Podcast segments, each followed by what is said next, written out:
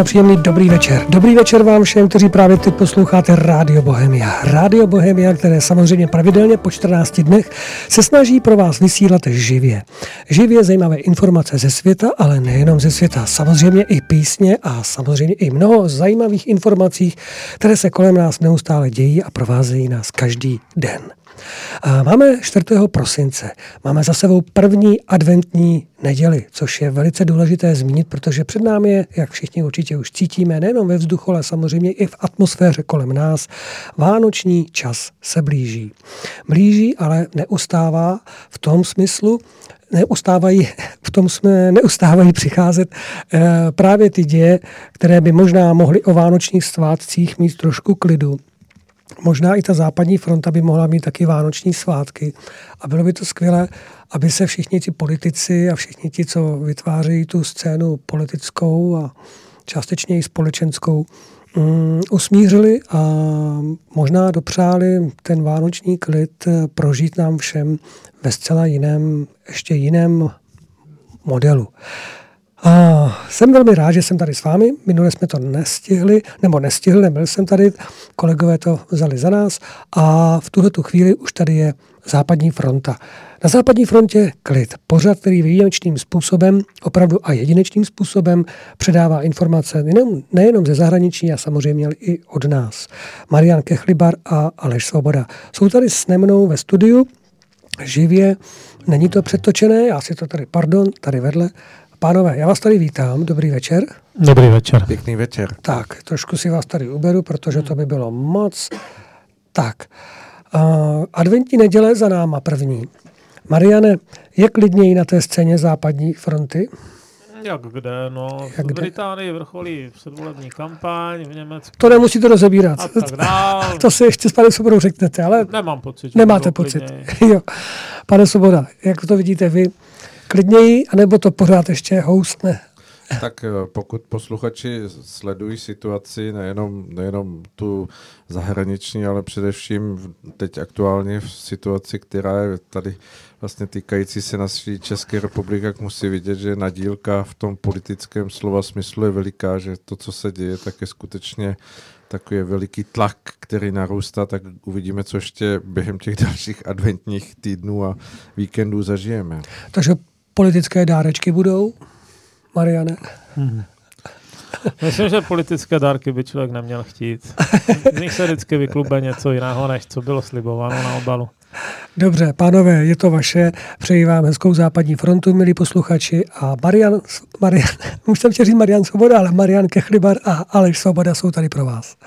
Tak děkujeme, Karle. Ještě jednou zdravíme všechny naše posluchače a já věřím, že v tom našem bloku, který tady máme eh, s Marianem vyčleněný v rádiu Bohemia, se budeme snažit eh, vzhledem k tomu, že je středa, ještě nechodí Mikuláš, tak udělat takovou před Mikulášovskou nadílku toho našeho povídání a že, že to bude opravdu mm, taková plná eh, nadílka, tak jak jsme se těšívávali na mandarinky, pomeranče, eh, čokoládové paňáčky a případně takové ty eh, buráky, které se vylupovaly, takže od všeho bude trošku. Mariane, kde začneme s tou nadílkou? Já si myslím, že asi by stálo za to se podívat opět přes kanál La Manche, kde vlastně eh, probíhá pořád ještě jakoby ten čas před volební, je tam 8 dní do eh, voleb do vlastně té britské nové scény politické a do toho se udál teď na konci minulého týdne ten, ten incident, který opět zase rozvířil trošku ten pohled na Británii. Tak pojďme to nějak schrnout z aktuálního hlediska. Tak, eh, vrcholí předvolební kampaň, hlasovat se má 12. prosince, čili je to za 8 dní. To už je opravdu natěsno. A i když mezi těm hlavní, o kom se můžeme bavit, že si budou konkurovat, jsou lejbristi a konzervativci. Protože Brexit Party eh, víceméně se stáhla z obvodu, kde, kde um, mají konzervativci své poslance, dokonce ještě z nějakých dalších. Takže z dříve hrozících 20% má dvě Tudíž eh, naprostá většina těch, těch jejich uh, voličů přešla buď ke konzervativcům, nebo nepůjde volit vůbec. Hmm. Ale myslím si, že ta první část je podstatnější. Komu Takže to... je to zase teda klasický souboj, ovšem s tím, že uh, samozřejmě téma číslo jedna je Brexit a Toryovský vůdce Boris Johnson, ten tvrdí, že tedy zařídí Brexit do 31. ledna. No víme, jak je to s těmi termíny, on už jednou sliboval do konce října, taky se to nestalo. A že to nebude Brexit úplně ten nejtvrdší, jakoby, že by vyletěli bez jakýchkoliv dohod a, a smluvních uh, uspořádání, ale že teda podepíšou nějaký dobrý díl. A uh, u Labouristů ta situace vůbec tak jednoznačná není. Uh, Jeremy Corbyn, jejich lídr, byl vždycky nápadně dvojznačný ohledně Brexitu. Uh, nechtěl ho ani úplně podpořit, ani úplně nepodpořit. Tomu vyčítá hodně lidí v té straně. A ti víceméně vedou nějakou takovou teorii, že by teda nejdřív uzavřeli nějaký díl a teprve potom by se to znovu předkládalo Eh, populaci k dalšímu referendu, na, ve kterém by byla i možnost Remain. Což je teda mimochodem, dneska jsem četl, že v době, kdy Irové hlasovali o Lisabonské smlouvě, protože teď je desáté výročí Lisabonské smlouvy, nikdo to moc neslavil, všimněte si. Ne. Tak, eh, tak eh, tam Corbyn osobně jel a říkal, že když už uh, oni, oni to na poprvé odmítli, tak se pak po nějakých úpravách konalo druhé referendum a on tam se tím druhým referendem údajně jel a říkal těm, těm uh, kampaňérům za to nou, že, že teda za to odmítnutí, že si mají schovávat plagáty, protože kdyby to vyhráli znovu, tak bude třetí referendum. Jo? A tenhle člověk teď teda chce druhé referendum, ale uh, Uh, nicméně teda to chce jeho strana, on, on se k tomu kdo ví jak nevyjadřuje. Pak máme, pak máme liberální demokraty, tak to je, to je ta pro, pro Evropskou unijní strana, ti si jednoznačně dali do vínku, že teda žádný Brexit nebude, že to byla blbost. A um, někde kolem nich se tam potom ometají uh, zelení, kteří mají výhled na, tak na jedno křeslo. No a ve Skotsku samozřejmě ještě Skotská národní strana, která, což je taková, takový ten kočkopes, jakoby občansky nacionalistická strana, která je ve skutečnosti proevropská. No, to, to je tady těžké nějakým způsobem uh, interpretovat. To tady fakt nemáme. A ti mají šanci zase na zisk třeba 70-80% křesel v skotských uh, konstituencích v těch obvodech. Nicméně zatím se předpokládá, že ti konzervativci budou mít docela slušnou pracovní většinu, tak 50-60 křesel. I když některé ty sliby ze strany pana Korbina, tak to ještě mohli splnit, změnit.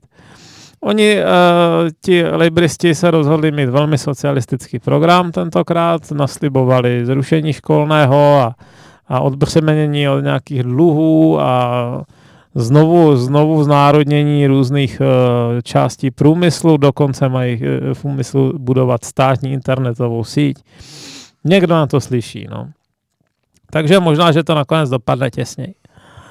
Uh, jako vždycky to bude hlavně velká města versus venkov, protože venkov spolehlivě stoprocentně volí Torie, kdežto v Londýně většinou mají převahu právě lejbristi a v dalších velkých městech. Otázka, jak se zachová taková ta pracující třída, ta working class, jo, protože ten současný současný liberistický program vůči ním není příliš přátelský. To, to je spíš samá inkluze a, a pomoc, pomoc běžencům a, a podobné věci. A to dost často jde právě ze sociálních služeb, které jsou financovány ze společného sociálního rozpočtu. Takže je možné, že někteří ti lidi zůstanou doma ne, že by málo kdo z nich se asi rozkýve volit Torie, možná někdo, ale hodně jich asi zůstane doma. Tak na co tom se, to záleží teď. Co se týká uh, Labouristů nebo Jeremy Corbina vůbec, uh, teď jsem slyšel takovou zajímavou úvahu ohledně jeho postoji k Evropské unii i vlastně to, co vy jste zmiňoval, potvrzující eh, jeho jakýsi rozporuplný eh, vztah, protože údajně on v tom svém levicovém nastavení vnímá i v té Evropské unii neúplně ideálního partnera pro naplňování těch eh, myšlenek, takových těch hodně sociálních myšlenek. Nemůže to být tak, že ten rozpor vzniká z toho? To je slabé slovo. Ano, vzniká to z toho, protože pro Korbina je Evropská unie, kterou já osobně považuji za moc socialistickou, tak pro něj je to neoliberální spiknutí, které má potlačit eh, teda eh, zájmy dělnické třídy a, A myslím si, že by se s ní stotožnil tak v momentě, kdyby to byla Evropská sovětská socialistická unie. Ale takže... Korbinovi by nepochybně členství v EU zabránilo v takových věcech, jako je zrovna uh, znovu znárodnění některých podniků. To by hmm. jen tak nešlo to vypadá na první pohled, že nějakých 30 let zaspal, ale uh, když... Spíš 60. Dobře, možná... Jsou takové nápady z 50. 60. let. No. 60, ale uh, jak to vůbec tedy v tom rozpoložení eh, těch té, té, té voličské scény vy, vypadá. My jsme se bavili minule právě o tom programu, vy jste ho teď připomněl, těch libristů, který je skutečně hodně nastavený v tom takovém tom levicově sociálním vypomáhání té, té, té široké veřejnosti. Nachází to odezvu u voličů nebo, nebo ti Angličané to přijali víceméně chladně. No, klíčová otázka, jak se zachovají mladí voliči. Čili dejme tomu tak 18 až 30. Uh, eh, to je ta kategorie, která je nejvíc zatížená dluhy za studium. To si myslím, že byla strategická chyba, když to zavedla Tečrová. Dostala z nich nějakou, nějakou část peněz bezprostředně, to jo, ale na druhou stranu si vytvořila celou vrstvu, která je natolik zatížená těmi dluhy, že pak má tendenci volit levici, která jim slíbí, že, že je toho zbaví. A, a ti ale zase na druhou stranu málo kdy chodí k volbám. A, volební účast v kategoriích nad 35, zejména pak nad 60, je strašně vysoká v Británii, větší než u nás. Ti mladí třeba z 20-30%.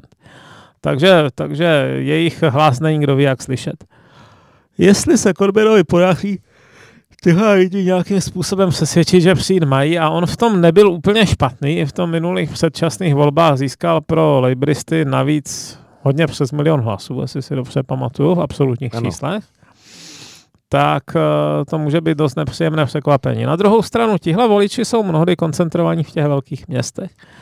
A v těch velkých městech už stejně vyhrávají lejbristi, takže tam, jakoby, jestli vyhrají o 60% nebo, nebo z 60 nebo se 70%, to je jedno. Oni nedostanou ani jednoho poslance v daném okrsku navíc, jo? i kdyby ho tam zvítězili rozdílem třídy. Je to jedno, jestli je to o dva hlasy, jako bylo někdy ve Skotsku teď, anebo jestli je to 2000 hlasů. Hmm. Jak se díváte, Mariane, na, to, na ten útok, který se odehrál na konci minulého týdne Eh, zase v Londýně takovou vlastně klasickou scénou toho, že, že tam bylo napadení několika lidí eh, člověkem, který se posléze ukázal jako hm, propuštěný eh, z pohledu toho, té státní zprávy jako napravený islamista, který, který vlastně byl dokonce někde ukazován jako příklad začlenění Eh, Musím říct, že mě vůbec nedává smysl propouštět předčasně teroristy. No, já bych vůbec eh, na jakoukoliv eh, menší trest než do životí u nich neslyšel, ale zdá se, že britská justice dost spolitizovaná za lejbristů, že, že to asi vidí jinak. Každopádně je to tak, no, to, ten člověk, který to rozhodnutí udělal, že ho propustí, tak ten nenese ty následky, ten na tom mostě nebyl. Tam se s ním musel potýkat nějaký polský gastarbeiter, který sebral na nějakém stánku narvalý roh a snažil se ho tím nějak propíchnout. Ano, ano, ti hrdinové byli popisováni v, v těch médiích poměrně jako zhusta tak, aby se možná trošičku přehlaš, přehlusila ta mm, situace toho, že opět je tady vlastně útok tady toho stylu. Já myslím, že jeden z těch, z těch lidí byl muslim. To se zase tolik nezmiňoval, myslím, že jeden z nich byl nějaký Muhammad. Hmm, hmm. Takže aby jsme byli spravedliví, tak to musíme říct. Určitě. A myslíte, že to, že to tedy zasáhlo trošičku do, do těch voleb, nebo se to uh, ztratí? Obecně mají lejbristi problém, že jsou obvinováni za antisemitismu a za bez tím, že se Corbyn až moc rozumí s takovými těmi palestinskými teroristy a spol a s jejich organizacemi, které za, nějakým způsobem zastřešují, jako je Hamas. A tohle to jim samozřejmě kdo ví, jak nepřidá. No. To každý ví v Británii, že, že zrovna ta migrační vlna z Pakistánu a spol je hlavně zásluha Tonyho Blaira a tehdejší lejbristické vlády, takže ano, tohle to určitě zase pár procent bodů konzervativcům přihraje, ale oni by, oni by upřímně řečeno měli s tím něco dělat, zejména s tím, že jejich bývalá šéfka Mayová hrozně proškrtala policii. To je reálný problém, potřebují tak odhadem o 20 tisíc víc policistů a musí na to prostě ty peníze vynaložit. šetření, nešetření. Jinak, jinak bude mít Británie, zvlášť ta velká města, budou mít bezpečnostní problém, už ho mají. Hmm. Dobře, tak než opustíme ten britský ostrov, tak se pojďme, pojďme zkusit zase dopustit nějakých našich typů nebo eh, nějakých odhadů. Jak, jak to tedy vidíte, když samozřejmě je 8 dní do, do, to, do těch vlastních voleb, jak to typujete nebo jak odhadujete ten výsledek, aby třeba jsme nějakým způsobem nabídli čtenářům nebo posluchačům rádia to, ten, ten náš úhel Osobně pohledu. si myslím, že Johnson bude mít uh, spolehlivou pracovní majoritu. A nebude gigantická. Myslím si, že to nebude takové vítězství, jako kdysi Tečerová získá nad futem, ale uvidíme. No. Myslím si, že 50 hlasů navíc by mít mohl. Dobrá.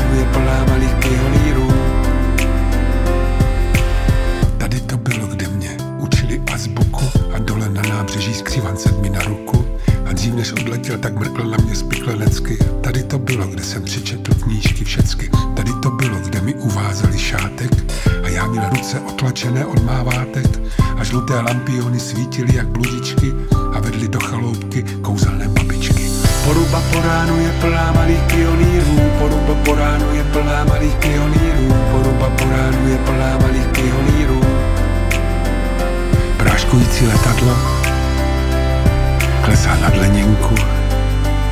Včera mě napadlo otevřít černou skřínku. Všechno, co najdeš ve své paměti, je vyzobané zrní ptáků, kteří v zimě odletí, na jaře se vrací na horní dvůr, sednout si na klepáč a poslechnout si náhrobní kámen v té dur. Tady to bylo.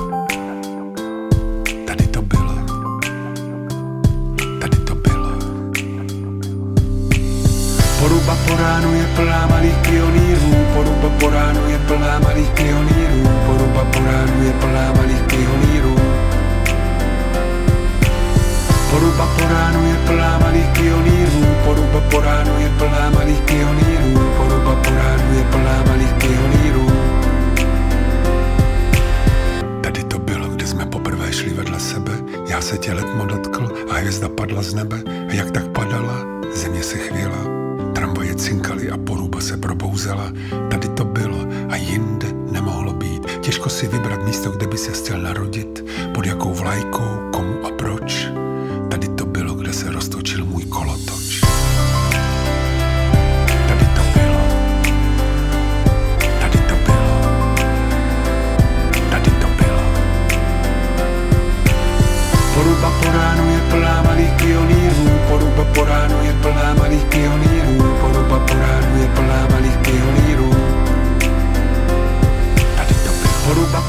Posloucháte Rádio Bohemia, posloucháte ho ve středu a doufám, že jste všichni ve středu, protože se nacházíme na západní frontě a s námi tady je Marian Kechlibar a Aleš Svoboda. Tak děkujeme, Karol, že jsme opět eh, v éteru eh, po písničce a my jsme slibovali s Marianem na začátku, že se podíváme také eh, do toho, do toho hm, koridoru, který je tady u nás za hranicemi. Takže teď je asi na řadě, aby jsme se podívali, Mariane, do Německa, protože tam se udala zajímavá věc. Tam se podařilo v té sociální vlastně demokracii německé zvolit teď já nevím, jak to nazvat, pomozte mi, tam jako spolupředsedy. Spolupředsedy, nebo jak, Možná, no. double předsedu, nebo jak to, jak to nazvat. Prostě mají jako předsedu muže a ženu, zřejmě asi z toho uh, vyvážení. A uh, ty postavy jsou zajímavé z více stran, takže se u nich zastavíme. Tak, eh, je to zajímavé, ale úplně první bych začal. Ony, ony, ta, ten listopad, prosinec, to je období stranických sjezdů v Německu. Podle jejich zákonů o st- politických stranách musí mít každá strana aspoň jednou ročně partajták, čili uh, celostranický sněm a tam se řeší předsednictvo na další rok, zda jsou spokojeni, nespokojeni a tak dále. A někdy je to tak víceméně eh, setrvačnost. Německá politika bývala tradičně nudná. Už není. A e, měla ho teda i CDU před pár, asi dva týdny to jsou? Nebo jeden?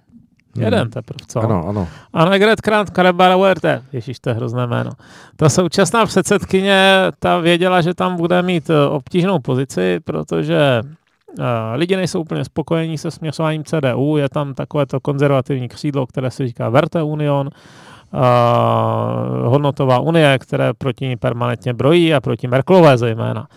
A její, její politice, uh, ten její protikandidát, který tehdy prohrál, Friedrich Merz, tak ten, ten měl nějaké takové negativní výroky. Směrem k tomu, jak to vypadá s, s uh, jejich politikou, řekl, že je to Grottenschlecht, čili absolutně příšerné, jako pod, propastně příšerné, no. A dále, uh, dále teda ona má velice špatné výsledky v uh, průzkumu veřejného mínění.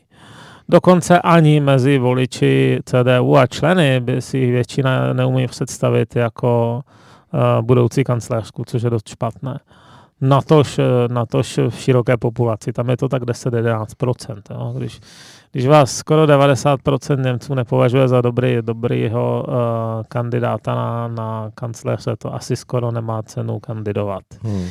No nicméně, má ještě rok, aby to nějak změnila, protože ten další, to, zdá se, že tenhle ten, ten sněm CDU ty nejdůležitější otázky v podstatě odsouval, tak jako lehounce, že příští rok je taky ještě čas, když, když je řádné volby jsou až přes příští. A e, tentokrát teda přednesla poměrně kurážnou řeč ve stylu, no tak jestli mě nevěříte, tak mě vyhoďte. Něco takového by v životě Merklová neřekla, to, to prostě tak odvážná není. A ono se jí to vyplatilo, zvolili teda, nebo akceptovali znovu. A, takže u té CDU bylo sice patrné, řekněme, rozčarování nebo nechuť se stav, vůči stavu, ve kterém ta strana je, ale nedošlo k žádnému převratu. A, ani se nepodařilo prosadit tomu Mercovi, který přece jenom trochu kveruloval, tak se mu nepodařilo prosadit to, že by si zavedli stranické primárky, čili že by, že by předsedu volila celá strana. Tam to volí jenom delegáti. U SPD to bylo krapet jinak. Oni si teda, Andre, oni si zavedli takzvanou doplšpice podle vzoru e, zelených, že tam musí být žena a muž a kandidovali dvojice. Ono mimochodem nějaký druh e, doplšpice má i AFD, ale nemá to pohlavně rozdělené, takže momentálně má dva, dva spolupředsedy. Jeden je uh, ten Jörg Mojten, ten je docela známý, a druhý se jmenuje Tino Chrupala, je tady z, z Gerlicu hned od hranic polských, ten to teď no, vyhrál místo Holanda. No, no. Ze Zhořelce, no. Hmm. A, a z okresu Zhořelec, já myslím, že on žije v nějaké vesničce zatím, ale to je jedno. No zkrátka, sociální to teda měli, měli poctivě gender rozdělené a, a hlasovala celá členská základna, mohli hlasovat i online, a největší šance se dávali Olafu Scholzovi, protože Olaf Scholz je bývalý primátor města Hamburgu, kde byl populární, jako přiměřeně. To město na tom nebylo špatně, řekněme. Já si teda vzkvétání představu jinak než přísun migrantů, ale jakoby nepropadli se nijak v životní úrovni a podobně, tak budíš. Dokonce se jim podařilo do, dokončit tu velkou operu. A on byl, on je teď v té uh, vládě velké koalice vicekancléřem a ministrem financí. To bylo něco, o čem se kdysi se SPD v menšinovém postavení eh, netroufala ani snít, že by CDU přepustila v rámci velké koalice ministerstvo financí. Tentokrát, je k tomu, tentokrát k tomu tu Merklovou nějak přiměli, patrně to byla cena za vstup do vlády. Nicméně i on, ten Scholz, je eh, vyznávačem takzvaného principu Schwarze nul, neboli vyrovnaného rozpočtu. A vůbec se je dobré připomenout, že celý ten princip dluhové brzdy, které, podle které se německý stát nesmí příliš lehkomyslně zadlužovat, výjimky jsou v podstatě jenom na, na uh, přírodní katastrofy a podobně, takže to tehdy prosadila společně CDU a SPD. To je, to je ústavní zákon, hmm. no, Schuldenbremse. A to ovšem není úplně většinový názor, jak se ukázalo, protože tentokrát si tedy odhlasovali členové SPD, který je 400 tisíc, něco takového. Ano, ano. Tak si odhlasovali eh, jako nové předsedy dvojici, která je vůči tomu strašně vyhraněná. A je to, je to bývalý ministr financí té nej, nejpočetnější spolkové země, což je severní Poryní Westfálsko, má taky složité jméno Norbert Walter Berjens. NBV se mu někdy říká jenom. A k němu totálně neznámá poslankyně Chřadová, která v životě nezastávala žádnou výkonnou funkci, byla jenom v nějakém rodičovském združení. No to je neuvěřitelné kurikulum vitae. Ale, ale, ale za to má na, na krku člen, nebo na krku, na hrudi připnuté členství v Greenpeace a podobně. Takže, takže dost, dost do zelená. Ta se jmenuje Saskia Esken. A tady tohleto duo kandidovalo na principu zrušíme, zrušíme Švárce nul, je to zbytečnost, musíme se zadlužovat kvůli investicím, málo dluhů škodí ekonomice a, a je potřeba investovat desítky miliard ročně eurech a je potřeba eh, co nejrychlejší klimatické investice a, a co to tam ještě měli nějaké, taky nějakou státní výstavbu internetu, to asi, to asi odkoukali od Korbina. Uh, myslím si, že měli i zásadně odlišnou představu o důchodovém uh, zabezpečení. To byla ta Grundrente, na které se velice obtížně po půl roce ta koalice dohodla, že má být nějak a těmhle se to zdá, zdá málo, tak by chtěli víc. A uh, chtějí posílit výstavbu větrníků, větrných elektráren, která teď narazila na odpor obcí, které se čím dál účinněji účinní dokážou nějak vymezovat právně Zkrátka program, který eh, kombinace vysloveně slibu rozhazování peněz a nějakých zelených témat. Hmm. No, zabralo to. Eh, více než polovina, více než polovina uh, členů SPD pro ně hlasovala, což je pro Šolce strašlivá porážka. To se i spekuluje, jestli teda už, jestli, jestli vůbec hodí ručník do ringu a odejde z politiky nebo co, protože to je velká facka. A a teď to musí nějak prosazovat, že, ti vítězové, což asi úplně nečekali. A vůbec působí to, že, že je samotné to vítězství zaskočilo, že, že, že ty sliby, které rozdali, stylu všechno všem, takže to byla spíš snaha nahnat nějaké poslední procenta, aby aspoň prohráli důstojně a ono to pomohlo. no tak ten samý problém teď uh, musí ještě potvrdit sjezd. Jo. Sjezd hmm. se koná teď pátek ale je skoro nepředstavitelné, že by je nepotvrdil. Hmm. Pravděpodobně se tak stane, skoro jistě. Sjezdci taky musí dovolit nějaké menší funkcionáře, místo předsedy a tak dál. Jeden z kandidátů je Kevin Kühnert, další takový rozdávač z povolání, který pokud v životě nepracoval v, žádném soukromém sektoru nebo v nějaké práci, prostě je to, je to ještě je mlád, ale už je celoživotním politikem a, a placeným, placeným zaměstnancem strany, tuším. No takže, nebo činovníkem strany. Takže je možné, že ta sociální demokracie se úplně urve z řetězu, tak říkajíc, pod hmm. tlakem své vlastní, uh, své vlastní uh, členské základny. Co si, Mariane, o tom myslet, když bychom si to přenesli na tu celoněmeckou politickou scénu, tady ty myšlenky. Najde to nějakou akceptaci u těch ostatních voličů, anebo je to už natolik skutečně utržené i z pohledu těch, těch německých voličů, že, že raději se uchýlí k těm ostatním politickým Upravit se tohle to nenajde žádnou akceptaci. A u dělnické třídy je vždycky otázka, jestli bude víc přilákána sliby peněz nebo víc odpuzena sliby nějakého multikulturalismu. A byť je pravda, že poslední dobou si, si normálnější strany začínají dávat trošku bacha, aby neslibovali příliš štědrý režim pro migranty, i když stejně každý ví, každý ví, kdo, kdo bude štědrý a kdo ne. Ale už to není, řekněme, běžnou a hrdou součástí programu, že to tam spíš někde zastrčené. Hmm.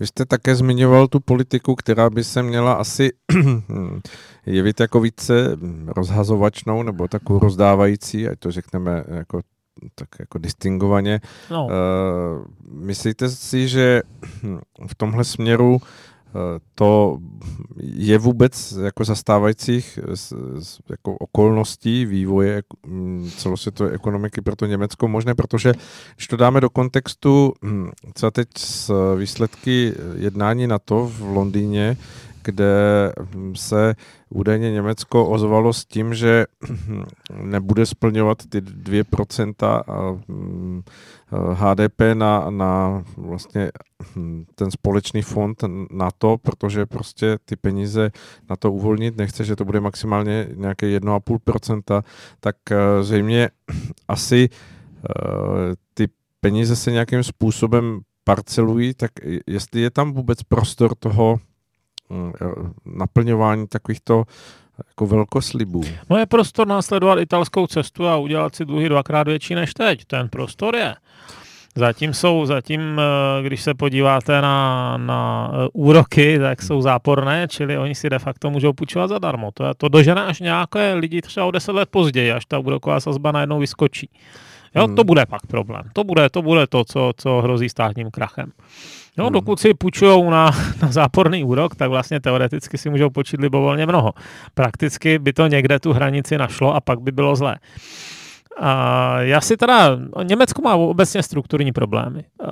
I když teď mělo velmi silnou konjunkturu, teď už ji nemá, protože e, za A navyklo si vyvážet tolik, že jeho, e, jeho e, prosperita hodně záleží na hladkém fungování mezinárodního obchodu, což vůbec není dneska samozřejmě když se tam Čína a Amerika rozdávají svoje a když se vyhrožuje různými cly. Já si myslím, že to období hladkého mezinárodního obchodu je pryč. On si každý uvědomuje, že s tím jde zároveň, nebo každý, no tak eh, s výjimkou naivních liberálů si skoro každý uvědomuje, že s tím zároveň jde politický vliv, takže, takže jako nemůžou se úplně ta Čína, Amerika a spol eh, žít vedle sebe, zvlášť v těch slabších státech bude jasné, kdo, kdo z koho se bude řešit otázka v Itálii a v Africe a a na Sri Lance a na Filipínách a všude možně. A druhá věc je, že německá ekonomika teda hrozným způsobem uh, záleží na výrobě automobilů se spalovacím motorem. A uh, když se člověk podívá na to, na to, na to top jejich firm, tak jsou to běžně buď automobilky nebo dodavatele automobilek. Myslím hmm. si, že jenom chemická firma Bayer v prvních deseti je snad uh, neautomobilová. Hmm. Ne, nevím, jaká je teď aktuální situace, možná, že se tam dostali SAP, to nevím, to je možná, ale, ale rozhodně, rozhodně eh, není diversifikovaný ten průmysl tolik. Eh, velká váha jsou právě ty auta, o které stojí kupci na celé planetě, každý irácký náčelník chce jezdit Mercedesu. No a teď eh, za, za prvé oslabení, ochlazení poptávky v Číně, která nejspíš se taky nějakým způsobem šine ke stagnaci, i když na čínské čísla nelze spoléhat, tam nelze spoléhat tak maximálně na pozorování toho objemu obchodu a ten teda klesá. A druhá, že zrovna to, to zelené hnutí si vybralo eh, auto se spalovacím motorem jako symbol ďábla a nepřátelé, takže ti Němci budou donuceni nějakým způsobem eh, vyrábět spíš eh, vozidla elektrická, ale to oni zase kdo ví, jak neumějí zejména neumějí ty baterie a, a je klidně možné, že o tenhle ten sektor přijdou a nic ho nenahradí. protože ve spoustě dalších věcí jsou spíš zaostalí. Například nemají kdo ví, jak dobrou internetovou infrastrukturu. Na to si stěžují spole, slo, společnými slovy Švýcaři, Dánové, Nizozemci i Poláci, když tam přijedou, že třeba mobilní sítě v Německu nejsou nic moc. A e, to je další strukturní problém. Pak máte třetí strukturní problém. Hrozné stárnutí populace.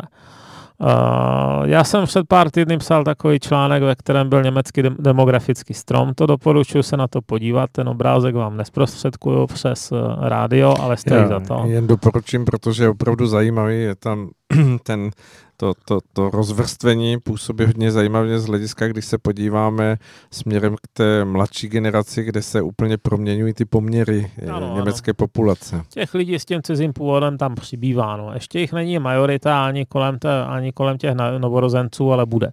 Hmm. Zase si nepředstavujte pod každým muslima. Jo? Já bych tam byl zasazený taky, protože mám otce Bulhara. No, ale, ale uh, ano, jakoby eh, Němců, Němců původních dost zřetelně umývá. A ohromně těžké jsou právě ty kategorie nad 50 let, které buď v důchodu jsou, nebo tam brzy budou. A uh, to je, to, to je období života, kdy čerpáte disproporčně mnoho zdravotní péče, že, protože to zdraví selhává.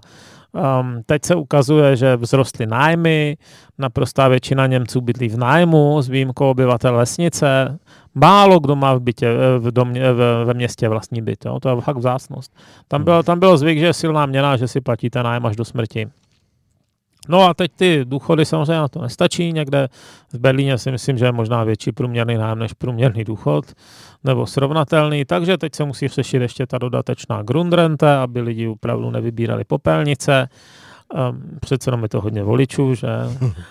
A to je další strukturní problém. No a další, pak, pak si teda ještě připočtěme ty, ty, ty nemakačenky z toho, z toho Afganistánu. No. I kdyby někteří z nich pracovali, což někteří dělají, nemůžeme říct, že jich je 100% na dávkách, tak většinou nemají adekvátní vzdělání k tomu, aby generovali kdo ví jakou přidanou hodnotu. No, prodejem kebabu prostě žádná země nezbohatla. No, tak. Hmm. Takže toto jsou německé problémy v kostce. Podle mého názoru i kdyby si nepřidali s tou energií vende a s nutností stavět nějaké větrníky místo jaderných elektráren, tak i tak by měli problém, teď budou mít větší problém. E, nedokážou splnit závazky vůči na to, nejenom z politických důvodů, ale i z finančních. Myslím si, že pokud si ještě nedej bože teda v dalších volbách zvolí rudo, do zelenou vládu, a ta se vydá na kurz eh, nějakých masivních dluhem hnaných investic do dekarbonizace, takže se můžou stát z motoru Evropy nemocným mužem Evropy, kterým kolem roku 2000 byli. Hmm. Eh, ta lidská paměť trošku selhává, když posledních deset let na tom bylo Německo dobře, tak máme pocit, že na tom bylo dobře furt, ale ono to tak není pravda. Německá ekonomika za kancléře Schrödera byla poměrně dýchavičná. Tohle to se jim může stát znovu. Příběh, který právě teď chystám se vám vyprávět, trochu připomíná svět, kam se velcí nepouští, čtyři muži na poušti dali stařečkovi pít a ten řek, že vyplní jejich přání. Nejstarší si přál, dej mi zámek, ať jsem král. Druhý boháčem chtěl být, třetí mnoho dívek mít. A co přál si nejmladší, to už se nikdo nedoví. Vždyť v pohádkách jsou jen tři přání. Než bys okem jednou žik, stál tu zámek dívek šik, rázem stál tu tváří v tvář, boháč, král i otrokář, a kam se poděl nejmladší, to už jim nikdo nepoví, vždyť v pohádkách jsou jen tři přání. La,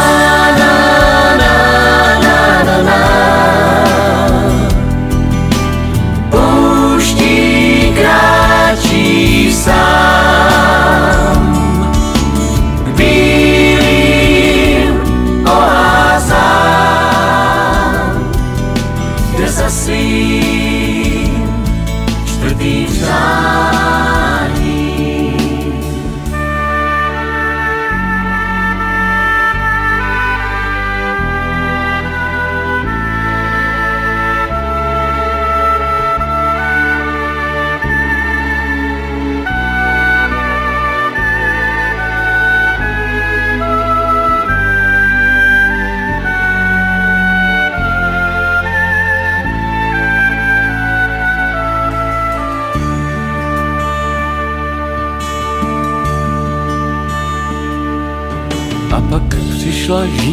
Zlá a s ní bouře písečná. Rázem stál tu smrti v tvář, boháč, král a otrokář, však marně prosí chtějí pít, vždyť mají vše, co chtěli mít a v pohádkách jsou jen si přání. I když řekne mnohý z vás, že příběh dávno smazal čas, svět se stále otáčí a tři přání nestačí. Kdo mi to řek, kdož pak ví, dost možná, že ten nejmladší, když kolem šel za čtvrtým přáním.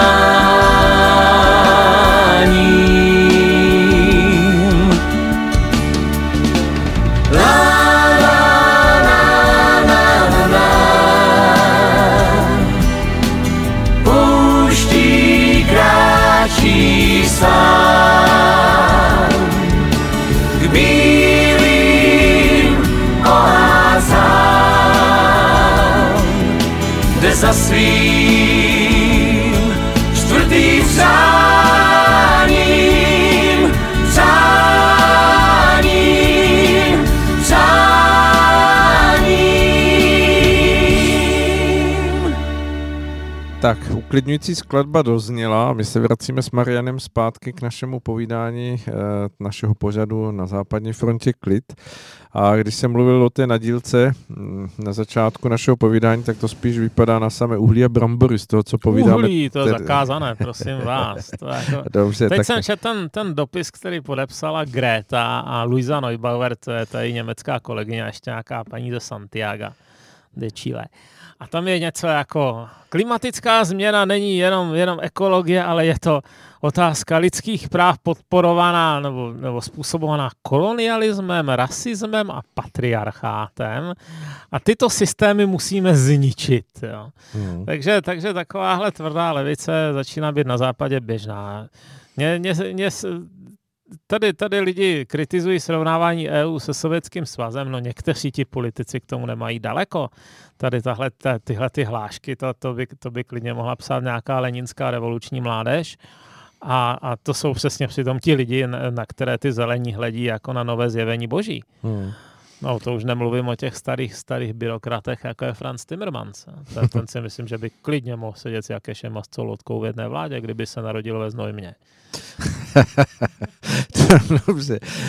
Mariane, tak, eh, tak nevím, jestli to naše další téma, ke kterému se přesouváme z toho Německa, eh, protože se posuneme o malinký krůček jenom na západ a koukneme se na chvilku do Francie, kde vlastně už zítra začíná poměrně velká vlna stávek a asi to stojí za zmínění. Dokonce se zmiňují některá média o tom, že to bude černý čtvrtek, tak eh, to vypadá opravdu na tu na dílku spíš, že, že to bude jako divoké po Čertovsku než po Mikulášsku. Mají to být divoké stávky, jedná se totiž o důchodovou reformu, která je tam extrémně nepopulární. Francie byla země, kde se dobře stárnulo, pravda, teď je to vyváženo tím, že ta ekonomika děsně stagnuje. Dokud Francie rostla ekonomicky, tak si nějak byla schopná tady tyhle ty relativně štědré systémy dovolit, ale ten samý problém. Tyhle, tyhle uh, principy dost často vzniknou, když se tomu státu daří dobře. Ale v momentě, kdy se mu začne dařit špatně, tak je extrémně těžké odbourat. Hmm. Protože lidi si zvykli. Zkuste někomu sebrat peníze. Jo? No, to tak To je, i- samozřejmě. To i ta blbá neziskovka začne švát. Jo? Natož, natož dobře organizované odbory, které reprezentují miliony lidí a ne tisíce. Takže, takže odbory se samozřejmě zvedly a, a slibují ochromit Francii a to je přitom jedna ze zásadních věcí, kterou ten Macron měl vyřešit, který sliboval, že to udělá. Takže, takže zase mu hrozí riziko, že to neprosadí a že nějakým způsobem ztratí tvář. No tak zatím na tom není zhodnocení tak špatně jako Olan, ale přece na tom není ani moc dobře. A tady tahle ta bitva, to bude zajímavé sledovat. No. Přece jenom eh, to, co se, on, on už se snažil zavést ty uhlíkové daně, pak se mu zvedly žluté vesty, byl nucený z toho vycouvat, nic jiného mu nezbylo, protože se mu ta situace začínala vymykat z rukou. A tohle to si samozřejmě zbytek Francie dobře zapamatoval. Takže eh, ten, kdo už ustoupil jednou, tak bude daleko víc, daleko nás ustupovat po druhé. Už, už se to založilo precedent. Že? Hmm. No, takže tahle situace ve Francii. Samozřejmě je to převážně levicově motivovaná stávka. Na druhou stranu je pravda, že životní náklady ve Francii taky vzrostly, takže je možné, že, že sada těch lidí žije, žije od důchodu k důchodu a že se jim, kdo ví, jak nechce mít vyhlídky na to, že to bude ještě horší a že to ani nepokryjí. Hmm. Jak si to představit právě v, třeba v kontextu s už vámi zmiňovanými žlutými vestami? Hrají v tom nějakou roli nebo tohle je vyloženě záležitost odborů jako takových? No tak, myslím si, že je to primárně záležitost odborů, podle toho, co jsem četl, ale ono to k sobě nikdy nemá příliš daleko. Francie má prostě tradici, tradici revolucí. Masivních minimálně pouličních událostí, takže já se schválně dívám, no, generální stávka, no, takže, takže to asi, to, to, to bude obtížné prosadit, no, cokoliv. Co si představit, generální stávka? Nepůjdou tedy zřejmě spoje, ne, nebudou fungovat Já vám to ocituju z toho internetu. Dobře, no, tak, tak pojď, pojďme to ocitovat. Média, nevím, internet se jako nikdo neodstaví asi, ale pařížský dopravní podnik železnice, kamionáci, letecká společnost, Dále, dále. Zaměstnanci nemocnic, policisté, hasiči, školy a popeláři. Hmm. takže, takže to vypadá, že, že bude stavkovat víceméně každý a, a že ta Francie ten den nebude prostě fungovat. Hmm.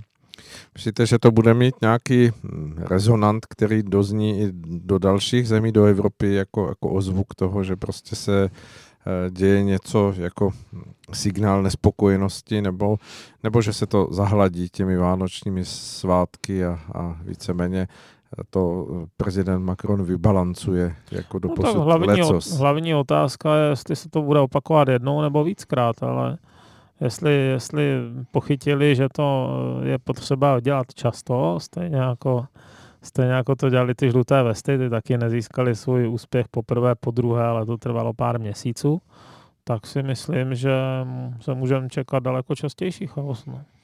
Kdo bude potírat ty uh, revoltující nebo případně nějakým způsobem do ulic vy, vyjítivší stávko, uh, ty stávkující, když bude stávkovat i policie? Těžko říct.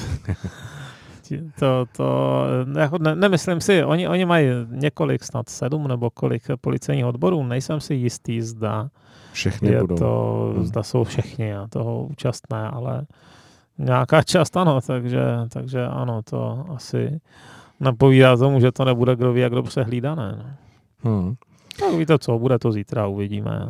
Nemusíme spekulovat. Není to vzdálená událost, zítra uvidíme následky. No, když se na to podíváme, tak jak vlastně nebyl to náš záměr, během dnešního povídání víceméně proplouváme neustále tou mm, lehce eh, levicovou eh, nějakou mm, hladinou, kde, kde vlastně se dotýkáme prakticky od Anglie přes Německo až po tu teď zmiňovanou Francii, eh, že se ty levicové myšlenky skutečně tou Evropou ku podivu na západ od nás rozechvívají stále víc a víc. Je to signál toho, že si neprošli tím, čím jsme si prošli my jako ta za železnou oponou se skrývající východní Evropa, nebo... No to víte, že ta zkušenost s tím, s tím uh, reálným socialismem přece jenom nějakou, nějaký účinek má, i když v těch nejmladších generacích u nás už to taky není, ale tak dejme tomu aspoň rodiče to vědí, tak aspoň část té informace přenesli. A druhá věc je, že některé ty země opravdu těžce ekonomicky stagnují. To je zrovna případ Francie nebo Itálie. To, to, to nejsou zdravé, živé ekonomiky, to jsou ekonomiky na kapačkách. Italská hůř, francouzská malinko míň, ale z hlediska absolutního objemu dluhu jsou na tom, nemilím si, tak ti francouzi možná mají e, víc než Italové, už, už asi předběhli. Hlavně se zadlužují rychlejším tempem. Itálie by dokonce měla primární přebytek, kdyby nemusela splácet uh, úroky z dluhů a Francie by neměla primární přebytek, ta měla primární deficit, takže no, vysoká nezaměstnanost mladých, uh, za poslední léta tam nevznikly žádné zajímavé firmy. Hmm. Když se třeba podíváte, i v tom Estonsku vznikají zajímavé firmy a pak je třeba časem koupí Microsoft nebo někdo takový, ale ta francouzská, italská ekonomika nejsou to jaksi schopni to vyprodukovat ta, ta slo, to složení té ekonomiky z hlediska to, kdo je velký hráč a kdo je menší hráč, se nemění. Hmm. Je strašně statické. Málo která firma je mladší 25 let. Významná. Hmm. Dá no. se to vnímat jako nějaké tóny eh, první, první pasáže eh, labutí písně Evropy, jako v tom směru, že, že se víceméně skutečně to, to stávající pomalu dostává za nějaký horizont a to, co je před námi, víceméně asi bude přinášet hodně změn a hodně ne možná lehkých časů? No, vřetelně nám ujel vlak. A ne všem stejně rychle, někdo, někdo aspoň vidí ty koncová světla, pro jiného je za obzorem, ale, ale bohužel právě většina těch velkých ekonomik je v tom stavu ujetého vlaku, Španělsko, Itálie, Francie. Británie na tom relativně dobře, ale, ale i tam mají třeba problém s tím, že mají strašně nízké mzdy, takový ti horší zaměstnanci a že už nedokážou pokrýt svoje životní náklady. A Německu tak jako pomaličku ujíždí viditelně, to by ještě před pěti lety nikdo neřekl a teď už je to docela znát, že, že stagnují. No, otázka je, kdo se zmůže k nějakým reformám. No. Hmm. Dneska je přece jenom daleko snazší vyvolat rebeli. E, vůbec je otázka, jakým způsobem zamíchá, zamíchali a ještě zamíchají třeba sociální sítě s povahou politiky z hlediska e, třeba násilí. E, daleko snaží svolat protest, daleko snaží tam dostat nějaké tvrdé jádro, které hází, hážem ty molotovové koktejly. Mají s tím problém po celém světě. Když se podíváme aktuálně, tak jsou násilné protesty v Iránu, v Libanonu, v Alžírsku, v Chile, eh, v Evropě, že byli ve Francii docela značné, eh, tam máte Hongkong, ale, ale i let kde jinde je neklid. A to dřív tak snadno nešlo. Já jsem i viděl nějakou statistiku ve smyslu, že uh, tyto procesy, protesty se staly mnohem častější ale zároveň teda klesla jejich úspěšnost, jo, že třeba opravdu rozbordela si tu zemi, ale neprosadí to, co chtěli. Hmm. A možná je to dáno tím, že v těch náhodně svolaných davech, které poslechnou instrukci někde na Twitteru, se daleko hůř nacházejí nějaké vůči osobnosti, které by systematicky plánovaly a nějakým způsobem pokračovaly. Hmm. Takže uh, tyhle, ty, tenhle ten druh reakcí bude uh, os stěžovat jakékoliv reálné reformy. Když se zeptám ještě, Mariane, hm, jak v tomto kontextu vidíte vy eh, postavení České republiky? Stojíme si vůči tomu nějak víc imuně, zdravěji, nebo, nebo víceméně sklouzáváme stejně a, ne, a jenom si to nechceme uvědomit, eh, připustit? Máme trošku lepší porodnost, to je dobrá věc. A zatím nejsme moc zadlužení, to je dobrá věc, takže pokud tam nedostanou nějakou maláčovou s jejími venezuelskými pány, tak bychom možná mohli některým nejhorším efektům uniknout. Na druhou stranu je vidět, že ten stát v některých věcech vůbec neví, co dělá. Zapřeměnění jsme strašlivou byrokracií. Hmm. Postavit cokoliv, yes. Jo, to je chyba. To je, to je, to je příznak sklerozy, která která nás může ohrozit, protože než se cokoliv projedná, tak, tak se v tom světě stane x věcí. Hmm. To je, myslím, chyba, že, že vůbec v tomhle směru neuvažujeme dostatečně. No a taky si myslím, že jsme hodně zaspali digitalizaci. Není to tragédie, ale většina těch věcí funguje tak tak a teď ta, ta poslední aféra s, s těmi větnamskými vízy, to byla čistá ostuda. A to nemáme, nemáme dostatečné mechanismy na zajištění svých vlastních databází. Chyba. Hmm.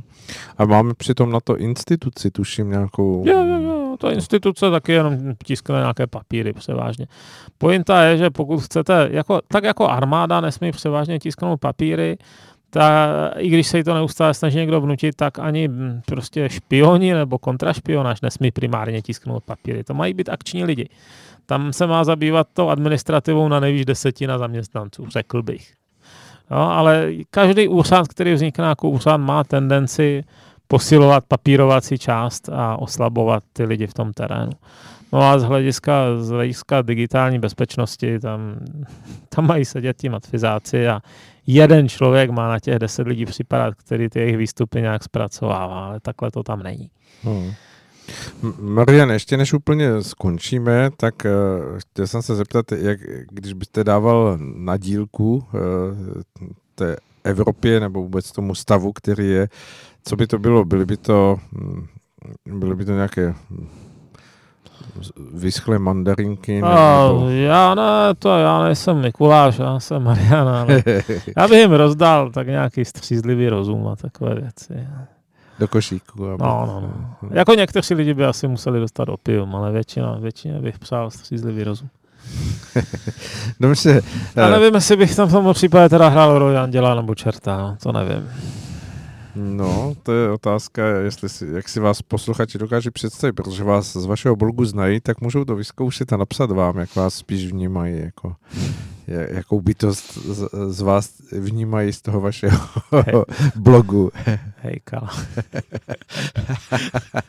Dobře. Tak jo, mějte se, přátelé. Ano, moc děkujeme, milí posluchači, a to je z našeho pořadu na západní frontě klid eh, vše a po písničce budeme pokračovat.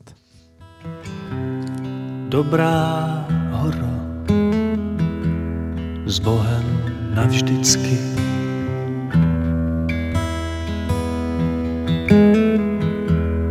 Nepřestane v tobě hořeť. Oheň zbojnický.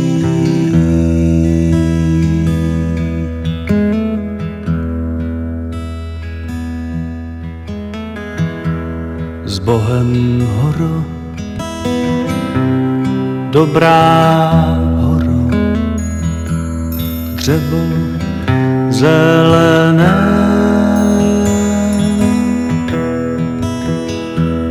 Všetkých jsem už poopúšťal, tebě ještě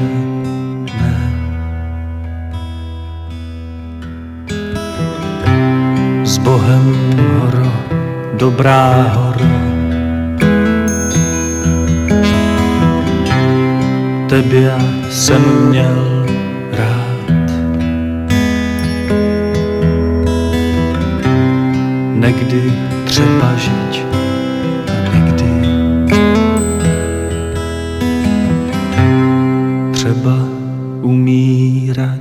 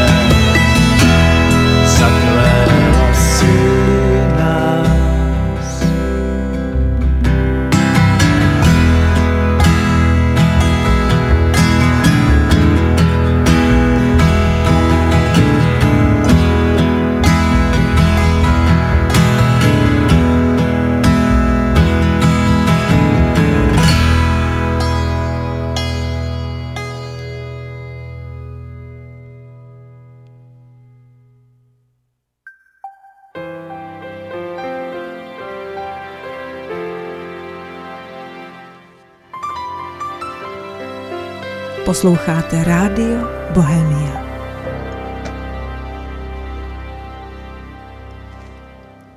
Krásný a příjemný dobrý večer, dobrý večer vám všem, kteří právě teď posloucháte Rádio Bohemia, jste s námi a samozřejmě jsme ve středu, jsme něco málo dní po první adventní neděli a máme tady druhé nebo druhého hosta dnešního dne. A je to host, kterého jste si přáli. Přáli, protože se vám moc líbil ten první rozhovor, který samozřejmě byl velice když si vzpomínám, akční, dynamický a kde jsme se snažili shrnout opravdu mnoho informací a ne každou jsme dokázali rozebrat tak, jak byste si přáli. A z toho důvodu samozřejmě tady musím a velmi rád přivítat paní Halenu Cmůrovou. Dobrý večer. Dobrý večer, děkuji panu Kříži i všem divákům za další pozvání. My jsme velmi rádi, že jste to pozvání přijala, protože samozřejmě eh, nebudeme vůbec eh, předstírat, že nevíme všichni, i vy tam na té druhé straně, že těch nemocí neustále přibývá, že se lidem nepříliš daří dobře po té zdravotní stránce. A mnoho lidí chodí k lékařům, ze kterých jsou spíš vylekaní nebo vyděšení. A když už teda se léčí, tak to nikdy nezabírá.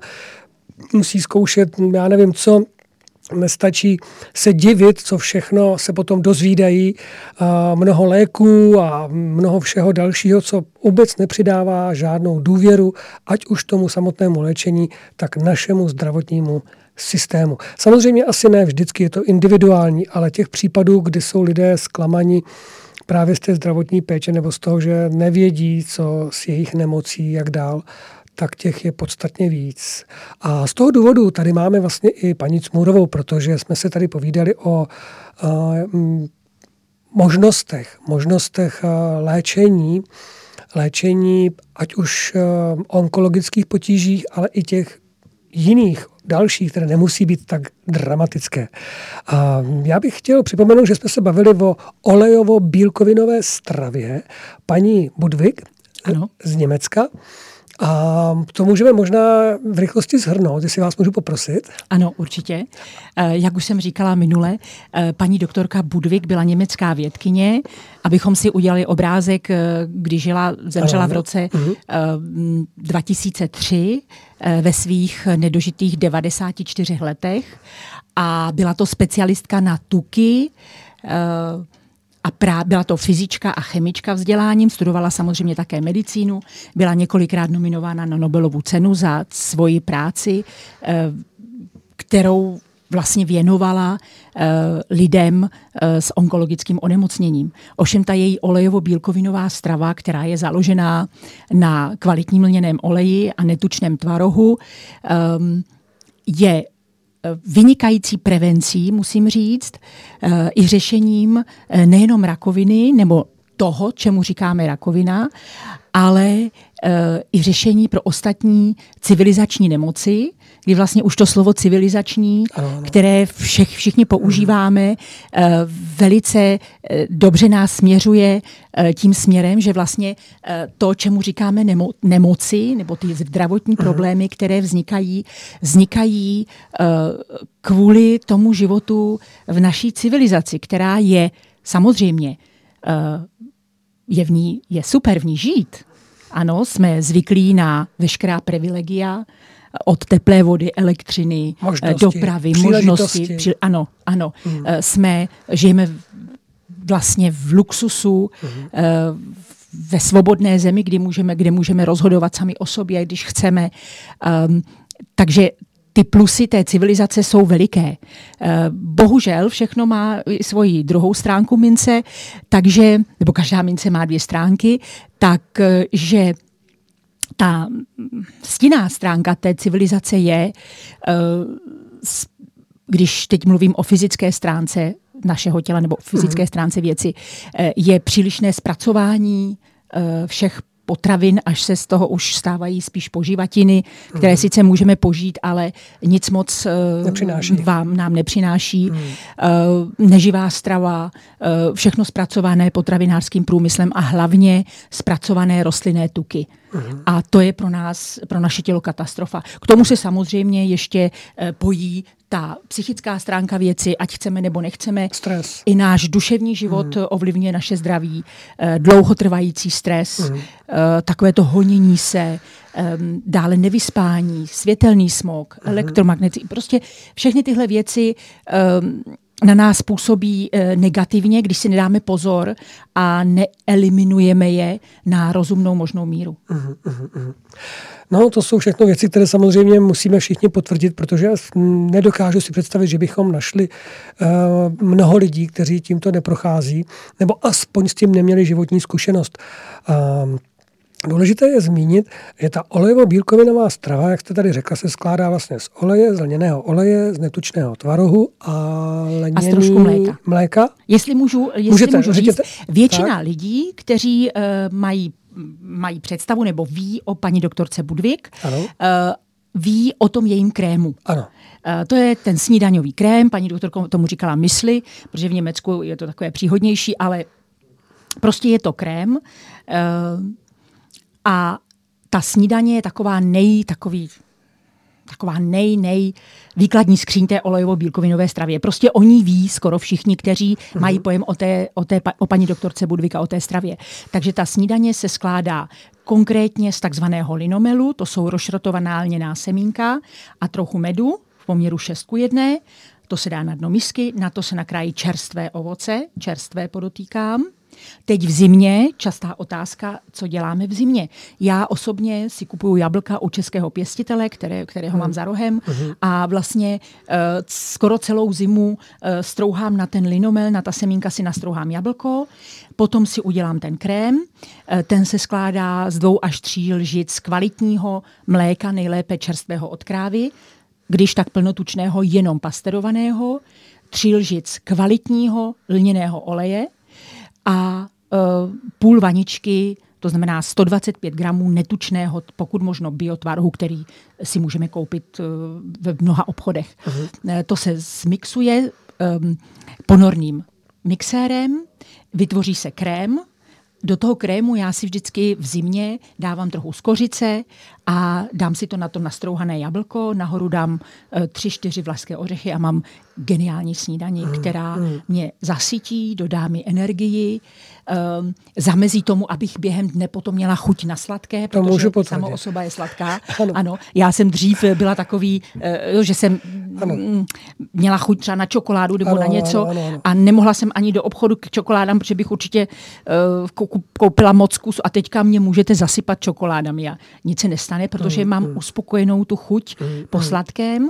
A ještě ke všemu je to uh, kvalitně uspokojená chuť. Já to můžu potvrdit, protože eh, od té doby, vlastně, jak jsme se tady pospolu bavili poprvé, poprvé, eh, tak jsme o tom krému věděli. Eh, Vy jste nám velice dobře poradila, jak to dělat správně. Já věřím, že i mnozí posluchači. Pokud to někteří z vás nevíte, tak si najděte tu první díl této reportáže, tam se dozvíte přesně všechny ty návody. A paní Smurová má na internetu spoustu videí, které to komentují, jsou tam i videa, jak se to dělá, takže to, to si všechno můžete vyhledat. Osobně musím říct, že občas to dostávám jako svačinu do práce. A je teda pravdou, že když si to člověk dá, tak jste tak sytý, že nemáte vůbec potřebu jíst a že si potom spíš říkám, to jsou asi potom, když přijde člověk domů, tak možná jenom chutě. To je takový to, že vás že něco vidíte a vy na to máte chuť, ale to není hlad. Takže si dokážu představit, že opravdu by člověk na tom krému mohl vydržet několik dní a vůbec by nemusel mít strach. Naopak, nemám, neměl jsem pocit, že bych hubnul, spíš jsem měl pocit, že všechno bylo stejně. Jo že možná jsem měl chvilkama pocit, že jsem jako i přibral, jako takový zvláštní to bylo. Takže velice dobré a velice, velice chutné, můžu doporučit. A dneska jsme to naučili ty naše děti a teď se tam o to pereme, jako že opravdu, když to žena dělá, tak to všichni musí, jako každý potřebuje tu svoji dávku a těšíme se na to. A velká výhoda, jak říkáte, že si to můžeme přizpůsobit těmi různými druhy ovoce, ovocem. A takže si banán, jablko, já nevím. V létě jahody, borůvky, Je, maliny, no, ostružiny. no. Můžete z toho udělat zmrzlinu. Co jsme Pro neskusili, je víte co, ty slané věci. A slané věci, ty To se bojíme, nějak to jako- se nemusíte zase na, vi- na, na internetu je video, kde dělám i ten slaný krém. Mhm. Mm-hmm. Je to velice jednoduché. V podstatě mm-hmm. místo medu dáte do té mixovací nádoby, eh, k tomu eh, musí to být samozřejmě ten ponorný mixér. Ano. Dáte do toho, na to mléko, eh, dám trošku soli a pepře, potom tam dám klasický olej, namixuju, dvě, tři, dvakrát, třikrát, potom tam přidám tvaroh a na konci mixování přidám česnek jeden stroužek česneku a mám super zálivku na e, čerstvý zeleninový salát. Nebo, no, no prostě to nemá chybu. Hmm. Někdy do toho zamixuju kurkumu, hmm. takže zase mám úplně jinou variantu. Hmm. Um, když eh, je víc lidí, můžeme udělat vícero druhů těch slaných krémů a můžeme to použít jak, opravdu jako zálivku jako na zálivka saláty. a může, jako, i po, jako pomazánka třeba? Ano, může. Kdo, kdo je zdravý a kdo může eh, si, kdo si doma upeče čerstvý chléb, mm-hmm. tak může uh, dát méně mléka, tím pádem vznikne hustší pomazánka, může si to dát na chleba, může si tam uh, nasekat bylinky čerstvé nebo na jaře kopřivy a takovéhle věci mm-hmm. a to opravdu nemá chybu. Mm-hmm. To je výhoda té stravy, že vám vlastně dává energii protože je živá. Mm, Jak už jsem říkala asi mm, minule, mm, ano. Uh, omlouvám se, kdybych se opakovala. Nevadí, to nejna, matka uh, moudrosti. To je pravda. uh, v podstatě v tom krému uh, jsou zachované ty elektrony z elektronového mraku z kvalitního lněného oleje. Proto musí být čerstvý, uh-huh. měl by být od prověřeného dodavatele uh-huh.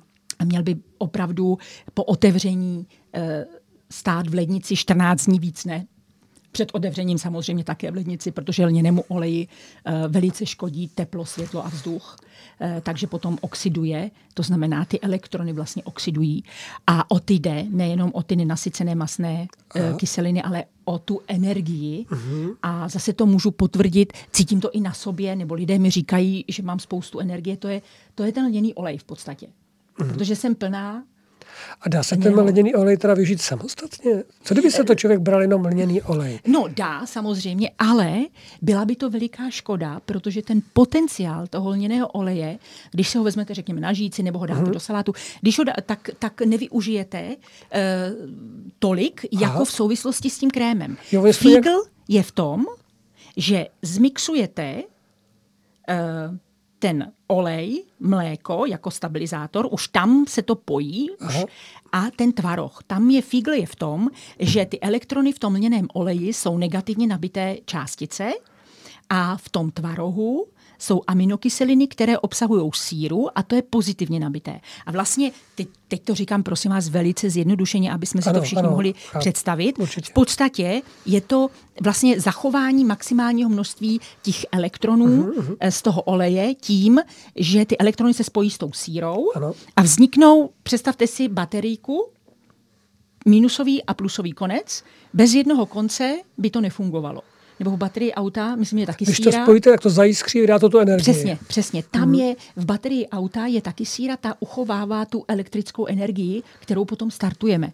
A něco podobného je i v tom krému. Proto je ten krém tak důležitý. Mm-hmm. Tak mhm. samozřejmě můžeme použít eh, třeba na salát nebo na zálivku lněný krém, ale musí to být velice rychle snězeno. Ten krém, ten olej sám o sobě i samozřejmě i ta směs velice rychle oxiduje. Mm-hmm. Jo, to znamená, že ty elektrony oxidují, ty dochází ke styku s kyslíkem, tam už eh, slábne ta síla. Slábne ta síla, v knize je popsáno, mm-hmm. eh, jakou měrou slábne a já si myslím, že každý, kdo si to třeba udělal někdy na cesty, tak eh, pozná po hodině, po dvou, i když to má přikryté, je to znát. tak už je to znát. Už je se mění znát. koexistence, struktura, uh, trošku z toho teče voda, prostě už to není ono. Není, Ani chuťově to není ono. Hmm. Nejlepší je to opravdu čerstvé, naslano hmm. i na sladko.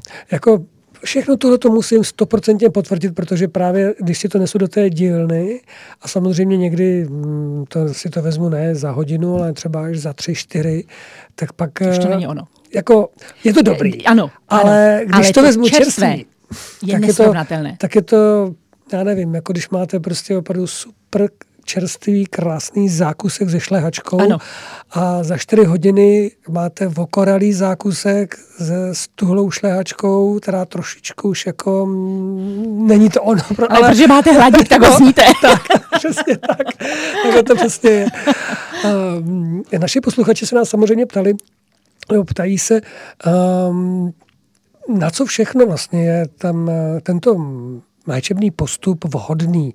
Jestli je to opravdu jenom na ty onkologické věci a jestli mm, s tím souvisí, protože jste se zmiňovala o tom, že v Německu existuje nějaký um, institut nebo... Mm, Při e-centru myslíte? Tak, tak, tak. Ano, ano. A tam samozřejmě jsou nějaké postupy, že jo? Je to, paní Budvik to asi vymyslela taky v kontextu nějakých dalších léčebných procedur a postupů.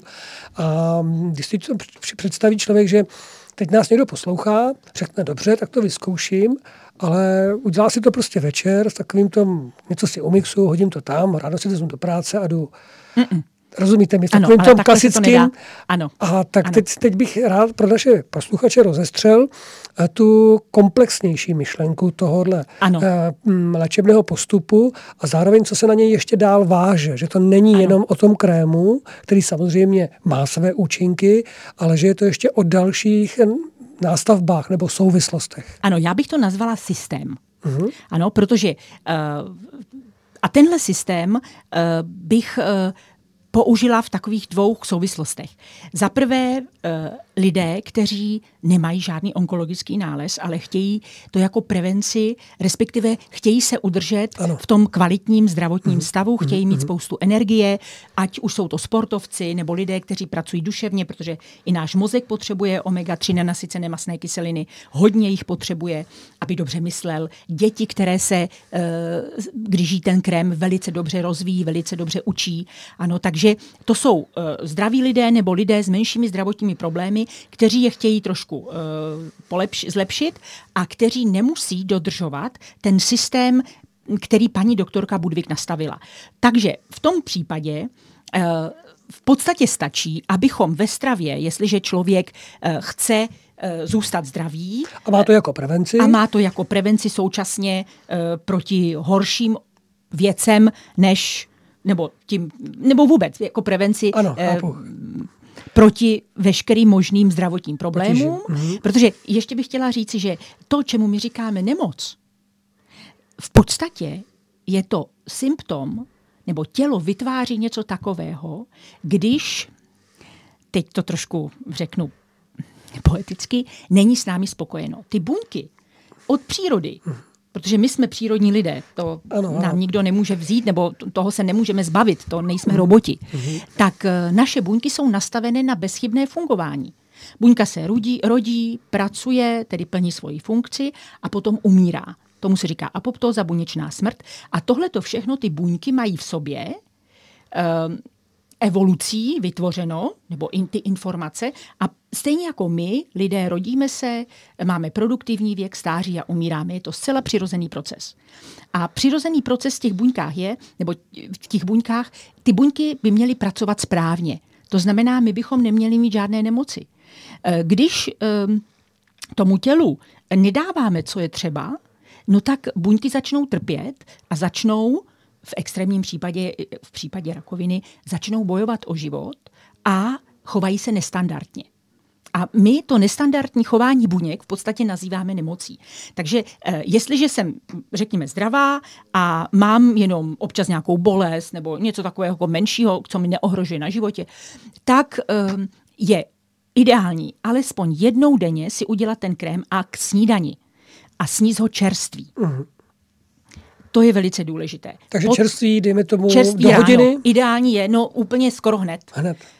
Jo, ideální je uh, udělat si čerstvý ráno, aby to bylo první, co dostaneme do žaludku, dá nám to energii na celý den. Druhá věc je, že bychom měli používat správné tuky na vaření, to znamená na vaření uh, ideální zastudenalisovaný kokosový tuk, té nejvyšší kvality, sádlo a máslo. Uh, nebo ghee, nasycené tuky, které jsou stabilnější než rostlinné tuky a uh, můžeme je zahřívat. Ano, můžeme na nich vařit, jako naše babičky, pravabičky. ano, ano. A uh, na studi- do studené kuchyně nejenom na ten krém, tam používáme lněný olej, opět opakuju, že musí být ale té nejvyšší kvality, velice čerstvý, uh, s tři, maximálně tříměsíční záruční dobou, uh, 14 dní v lednici a potom už nemá žádné, žádné využití v podstatě. A nebo ostatní kvalitní rostlinné oleje a ty můžeme používat do salátů ve studené kuchyni. Ale nikdy bychom na vaření neměli používat rostlinný tuk. A stužený tuk už vůbec ne. To znamená rostlinný tuk jako klasický slunečnicový. Třeba, anebo eh, takhle, je jedno, jaký druh toho oleje to je, ale důležité je, že jakýkoliv ten olej, ať už je to slunečnicový, nebo řepkový, eh, nebo palmojádrový, nebo prostě jakýkoliv, je průmyslově zpracovaný a to průmyslové zpracování uh-huh. mu odebírá ty látky a tu energii, ty elektrony, eh, které my potřebujeme a díky tomu, nebo kvůli tomu, odebrání těch elektronů vlastně ten tuk nežlukne. Takže proto e, se můžou všude možně koupit e, tuky v plastových láhvích nebo oleje, oleje v plastových láhvích, které mají rok záruční dobu, nebo já nevím, několik měsíců, já nevím, já to nekupuju. A lidé na tom smaží, pečou, hmm. vaří, nebo potom stužené tuky, to už je ještě e, další stupeň degradace těch rostlinných tuků. Teď před Vánoci bych ano. vám poradila, Eh, raději méně, ale s máslem nebo se sádlem, než uh, laciněji, řekněme, s nějakými uh, stuženými tuky. Jako to, to bych hmm. asi uh, to hmm. zájmu, zájmu zdraví raději méně a kvalitněji. Hmm. Jo. Takže když tohleto člověk, když tohleto člověk dodrží a je zdravý, a trošičku taky ubere, co se týče stresu. Uh, jo, ta psychická stránka k tomu musí ladit. Tak uh, to je úplně ideální. Jo, jak říkám, ten krém mají rádi nejen dospělí, ale děti. Maj. Mám kamarádky, který, maj, maj. jestli máte děti, tak Mám děti který taky. chodí k babice jenom, aby jim udělala krém. Hmm. Hmm. Uh, opravdu je to vynikající. A dávali by se ho i dvakrát denně. Klidně. A můžou samozřejmě, ano. A eh, potom, uh, a to je ta první skupina. Ti, kteří chtějí, aby to jejich tělo správně pracovalo, co hmm. nejdéle, bezbolestně, bez jakýchkoliv problémů. Takže to, je, to bych řekla, že je daleko lepší, než čekat v uvozovkách na to, až budu až mít nějaký velký hmm. zdravotní problém a najednou potom chtít všechno zachraňovat. Jo, vždycky ta prevence je samozřejmě lepší. V podstatě jde o to jíst jednodušeji, prostěji a zařadit správné tuky. Vraťme se zpátky k tomu, k tomu systému. Ano, ano. A to je ta druhá skupina uh, vlastně lidí, uh, ti, kteří už bohužel mají diagnózu onkologickou, tak ti už musí dodržovat systém. Ta paní doktorka Budvik nastavila systém, co, není to jenom ten krém, což je často omyl těch lidí, je to systém, který se musí dodržovat v podstatě od sedmi hodin od rána až do večera do půl deváté. A je to po hodině, po hodině a půl je přesně popsáno v té knize Velká kuchařská učebnice, co se musí dělat. Ten člověk, který e, má tuto diagnózu, e, by si měl uvědomit jedno. Musí se začít starat sám o sebe a o své zdraví, jestliže chce to dát nějak do pořádku. Jo? E, tam samozřejmě hraje roli x faktorů. Já když mám e, klienty, máme konzultaci, tak se musím vyptat na to nejenom na to, co jedl, ale i jak žil, jak člověk myslel, jo? jak vnímá celý svůj život. Mm-hmm. Je to souhrn všeho možného, celého našeho života. Ale e, ten systém je nastavený tak, jestli ho můžu ve stručnosti popsat. Můžete. Začíná se cirka v 7 hodin. Po probuzení jenom na tohletu a potom je sání slunečnicového oleje na vyčištění ústní dutiny. Kdo to neskusil, vyzkoušejte to se slunečnicovým olejem, je to úplně super. Tak, jak si vyčistíte ústa Tímto způsobem si je nevyčistíte žádným kartáčkem na zuby.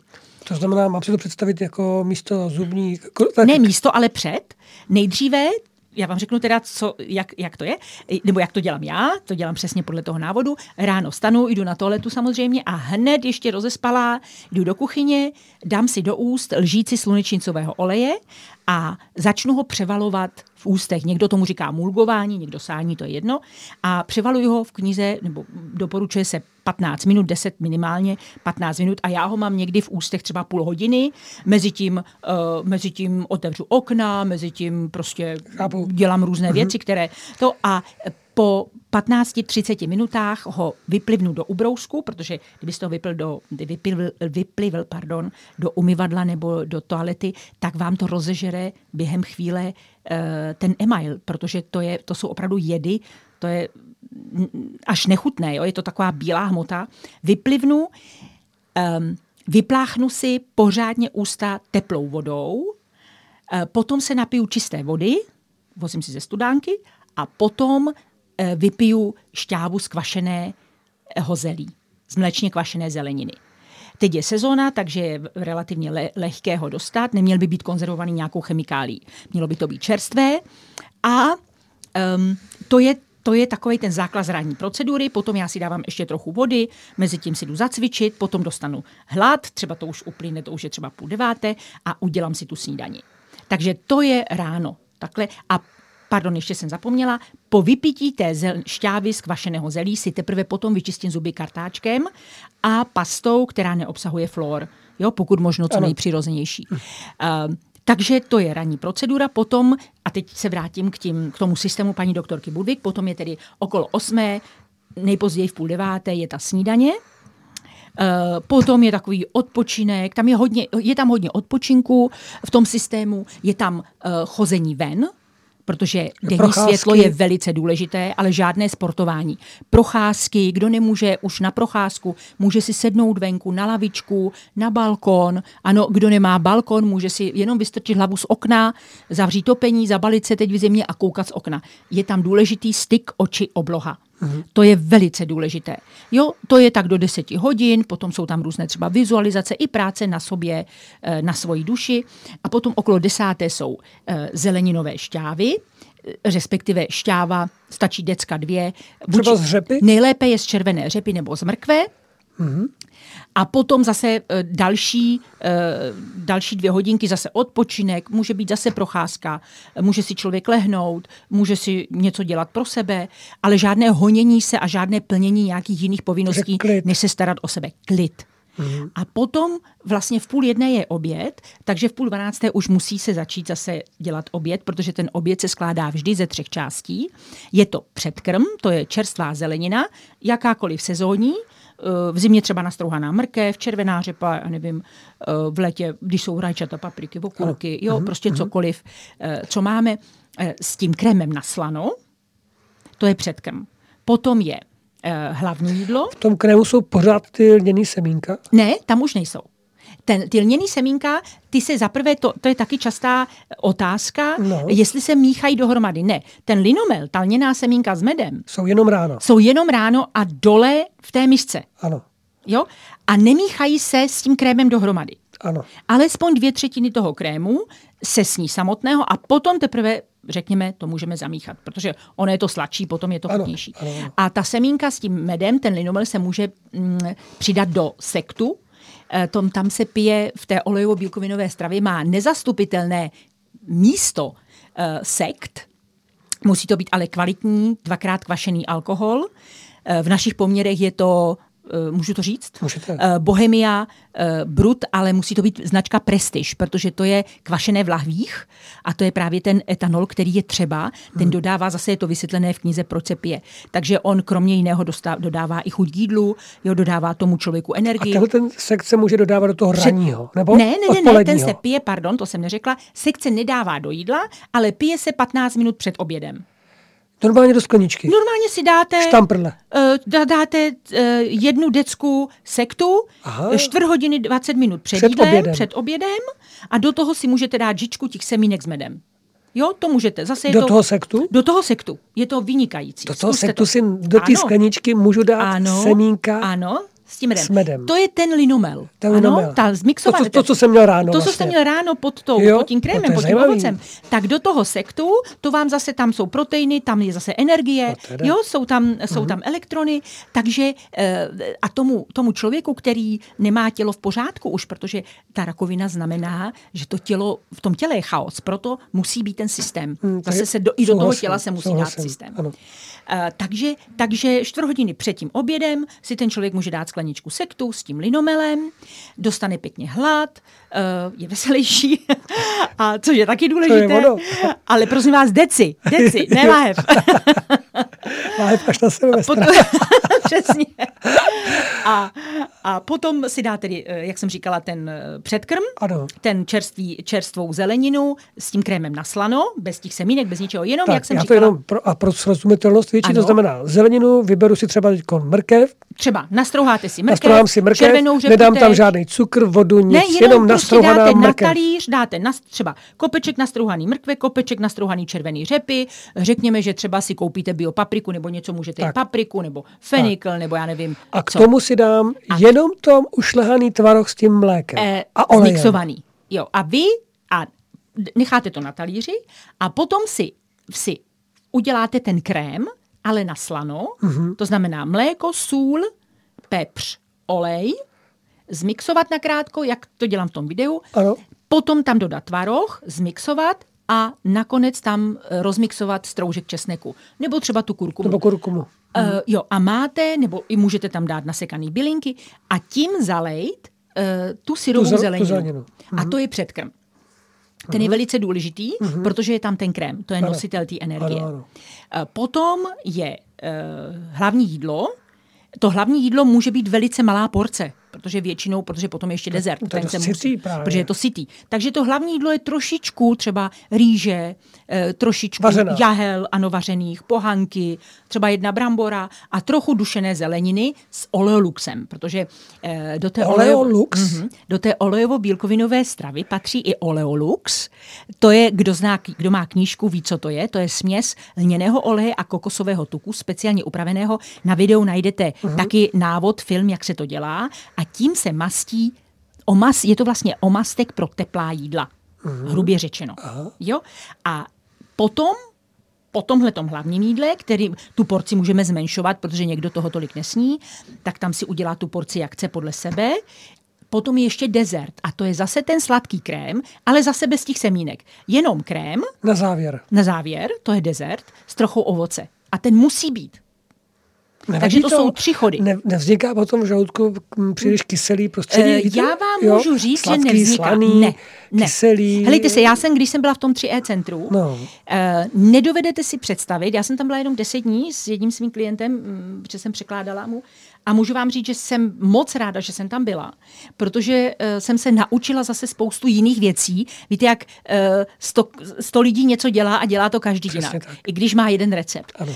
Takže opravdu ten systém, který, a my jsme to tam všechno dodržovali, takže ten systém dokáže, hejte, já jsem byla deset dní a když jsem viděla tu změnu za pouhých deset dní, co to s těma lidma udělalo, kdy paní, která hubla, byla nešťastná, jo, byla po operaci mozku třeba, eh, tak, tak za deset dní přišla, říká, já jsem se spravila o kilo a půl, což je pro onkologického pacienta zázrak. Mm. Protože ty lidi neví, jak se mají spravit, jo? Mm. protože eh, ty rakovinové buňky Ano. eh, tím narůstá více uh, inzulínových receptorů Mhm. a vlastně, uh, když to řeknu lidově, vlastně seberou uh, tím ostatním zdravým buňkám veškerou energii, jo, která Mhm. uh, jde do těla. Takže to, to, jsou, to jsou opravdu zázraky. To je, to je, ale jenom proto, že se to děje za naším zrakem. To není žádný čáry máry fuk, proto je ale to je to zázrak. Ano, ano. V podstatě dodáme do těla to, co ty buňky potřebují a oni pomalinku začnou zase správně pracovat. Mhm. Jo, takže to není lék ve, ve smyslu tabletka na něco, Všechno- ale je to nastolení systému a pořádku v těle a dodání buňkám toho, co oni potřebují a oni potom se zase začnou chovat standardně, neboli začnou správně fungovat. A takže a po obědě je polední klid, e, jako v táboře. Takže hezky lidi si šli lehnout. Jako nebo dítě jsem to neměl rád, ale, ale teď je bych to, si helejte, to dopřával. je to třeba, Ano. protože žádný stres, žádné honění, když je hezky, můžou si lidi lehnout na zahradu, na lehátko, uh-huh. můžou si k, v zimě k otevře, jak jsem říkala, k otevřenému oknu. Jo, potom Samozřejmě ještě uh, si zase můžou pracovat na sobě, potom jsou, uh, jo, jsou tam různé techniky, které se dělají a to už je potom eh, čist individuální. Potom ve tři, ve čtyři hodiny jsou další šťávy, to jsou ovocné šťávy, nejlépe z papáji nebo Takže z- před, předtím to byly šťávy ze Ze zeleniny. zelenin, ano. A, teďko A to teďka jsou, ovocné. A to je kolem kolik? Eh, není- třetí, čtvrtá hodina. Takže svačina. Zase sekt se může vypít, decka sektu a dát si uh, buď ideálně šťáva z papáji, i když je to tropi, tropické, nebo z ananasu, protože tam jde o enzymy, které jsou podobné enzymům slinivce břišní. Aha. A to je třeba uh, doplnit, respektive je třeba uh, té slinivce trošku odlehčit. Protože ta slinivka břišní je orgán, který je naším životem v civilizaci velice, velice zkoušený. A uh, měli bychom mu ulehčit.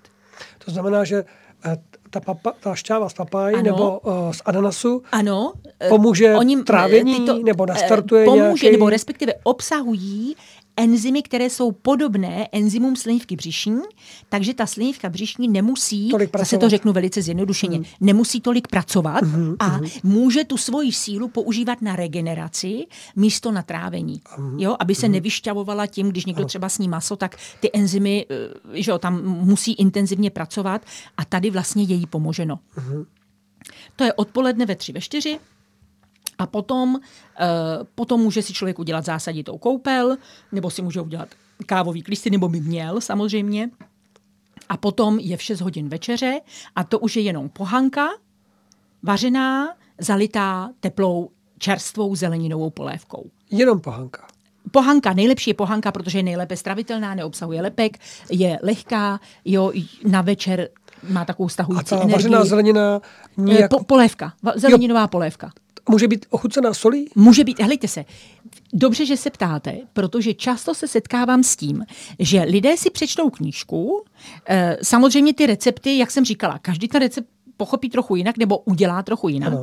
A někdy se stává, nebo velice často se stává, že lidé eh, ten systém vnímají jako dietu No, no, no, no. a vaří to jako dietu. No, no, no, právě. Takže nemasné, neslané bez chuti. Ano. A pravý opak je pravdou. Mastné, slané, kořeněné, s bylinkama, s kořením, čili, prostě co chcete, ovšem musí to být odpovídající kvalitu. Uh-huh. Jo, takže bylinky pokud možno čerstvé, uh-huh. eh, koření pokud možno bio, eh, opravdu, aby to mělo tu kvalitu, ale jinak si to můžete okořenit, omastit tím oleoluxem. Prostě je to, je to velice může to být, nebo měli bychom si to udělat, velice takové intenzivní, chuťově eh, To je vynikající. dobře. Protože eh, člověk by z toho jídla měl mít radost. No to jo. Nemělo by to být trápení Ježíš Maria, No. no.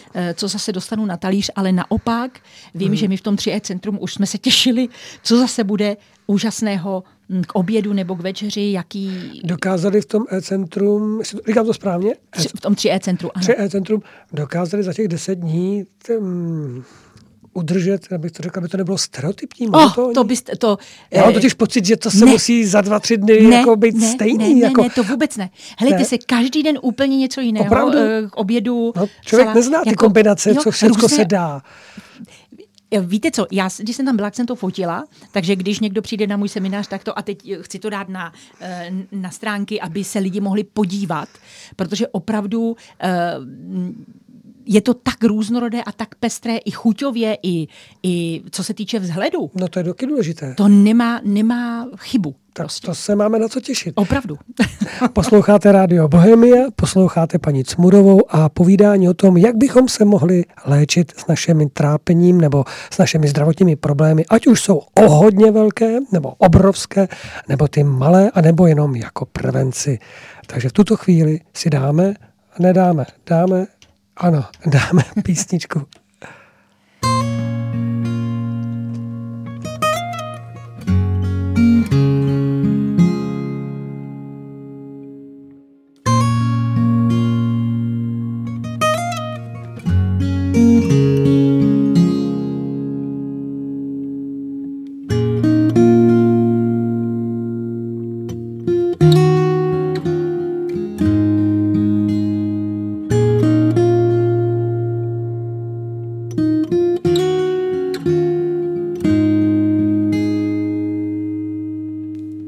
Stretol som brata z života minulého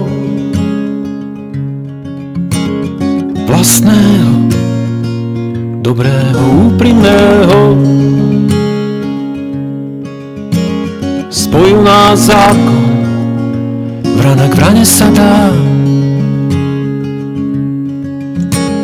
A rovný, rovného si hľadá Stretol som brata, s ním veľmi dobre je mi. Veľa mi dáva, keď som unavený. Keď ma duša bolí, slovom poteší ma. Svojou energiou prežiari ma.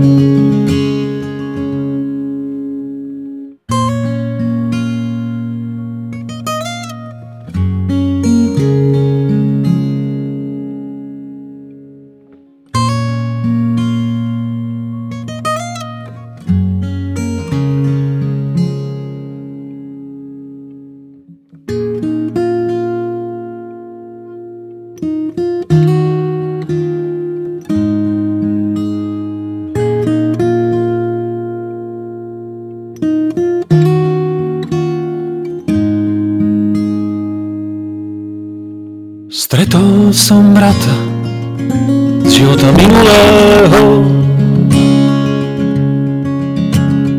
Vedno s ním kráčam statě světlého. bytě,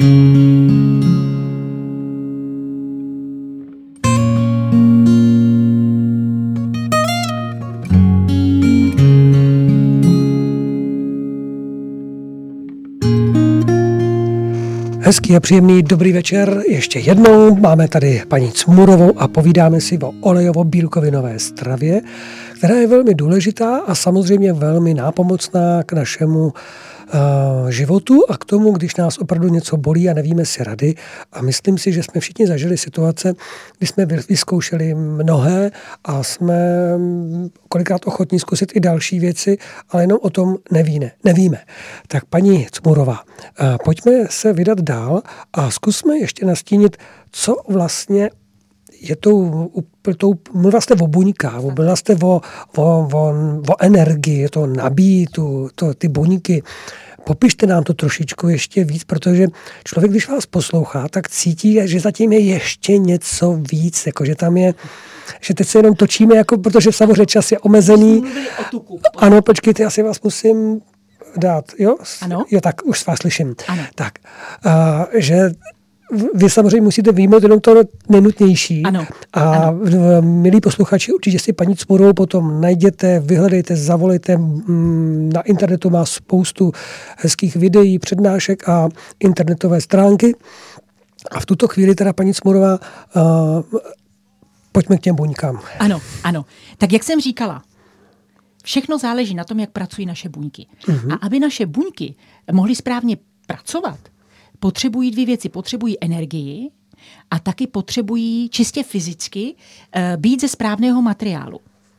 A uh, nejdůležitější orgán v té buňce, možná, že někteří posluch, posluchači znají například pr- ptá, eh, práci doktora Bruse Liptona, který mluví přesně o tom, o čem věděla paní doktorka Budvik. Důležitou, důležitá věc nebo důležit, ta část, nej, respektive nejdůležitější část buňky, proto, aby buňka správně pracovala, plnila svoji funkci a i potom správně umřela, ano. se namnožila a umřela, je buněčná membrána. A ta olejovo-bílkovinová strava je velice důležitá eh, v tom, že nám nejenom přináší do těla tu energii ve, v tom krému, ale přináší nám také správné tuky na to, aby tělo jako celek mohlo vytvářet správně fungující buněčné membrány. Protože když si vezmete, že máme v těle, eh, někdo říká 100 bilionů buněk, někdo říká víc, nebo méně, ale to je v podstatě je to úplně jedno.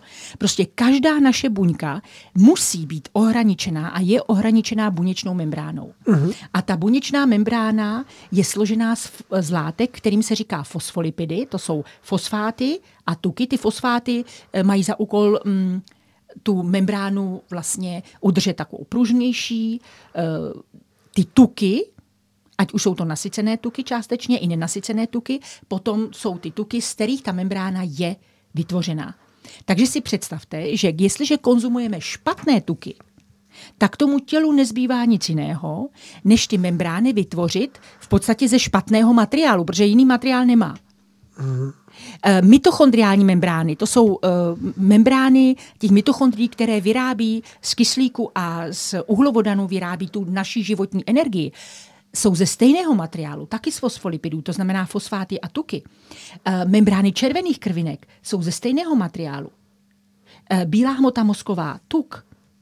My tuk potřebujeme k životu. A jestliže konzumujeme špatné tuky, to znamená v dnešní době jsou to zpracované rostlinné tuky, tak je to pro naše tělo velice těžké udržet si tu správnou funkčnost. Protože eh, představte si, že ta membrána vlastně, proč na ní záleží? Záleží na ní proto, že celý životní proces je založen na jednom jediném systému a to znamená dovnitř a ven.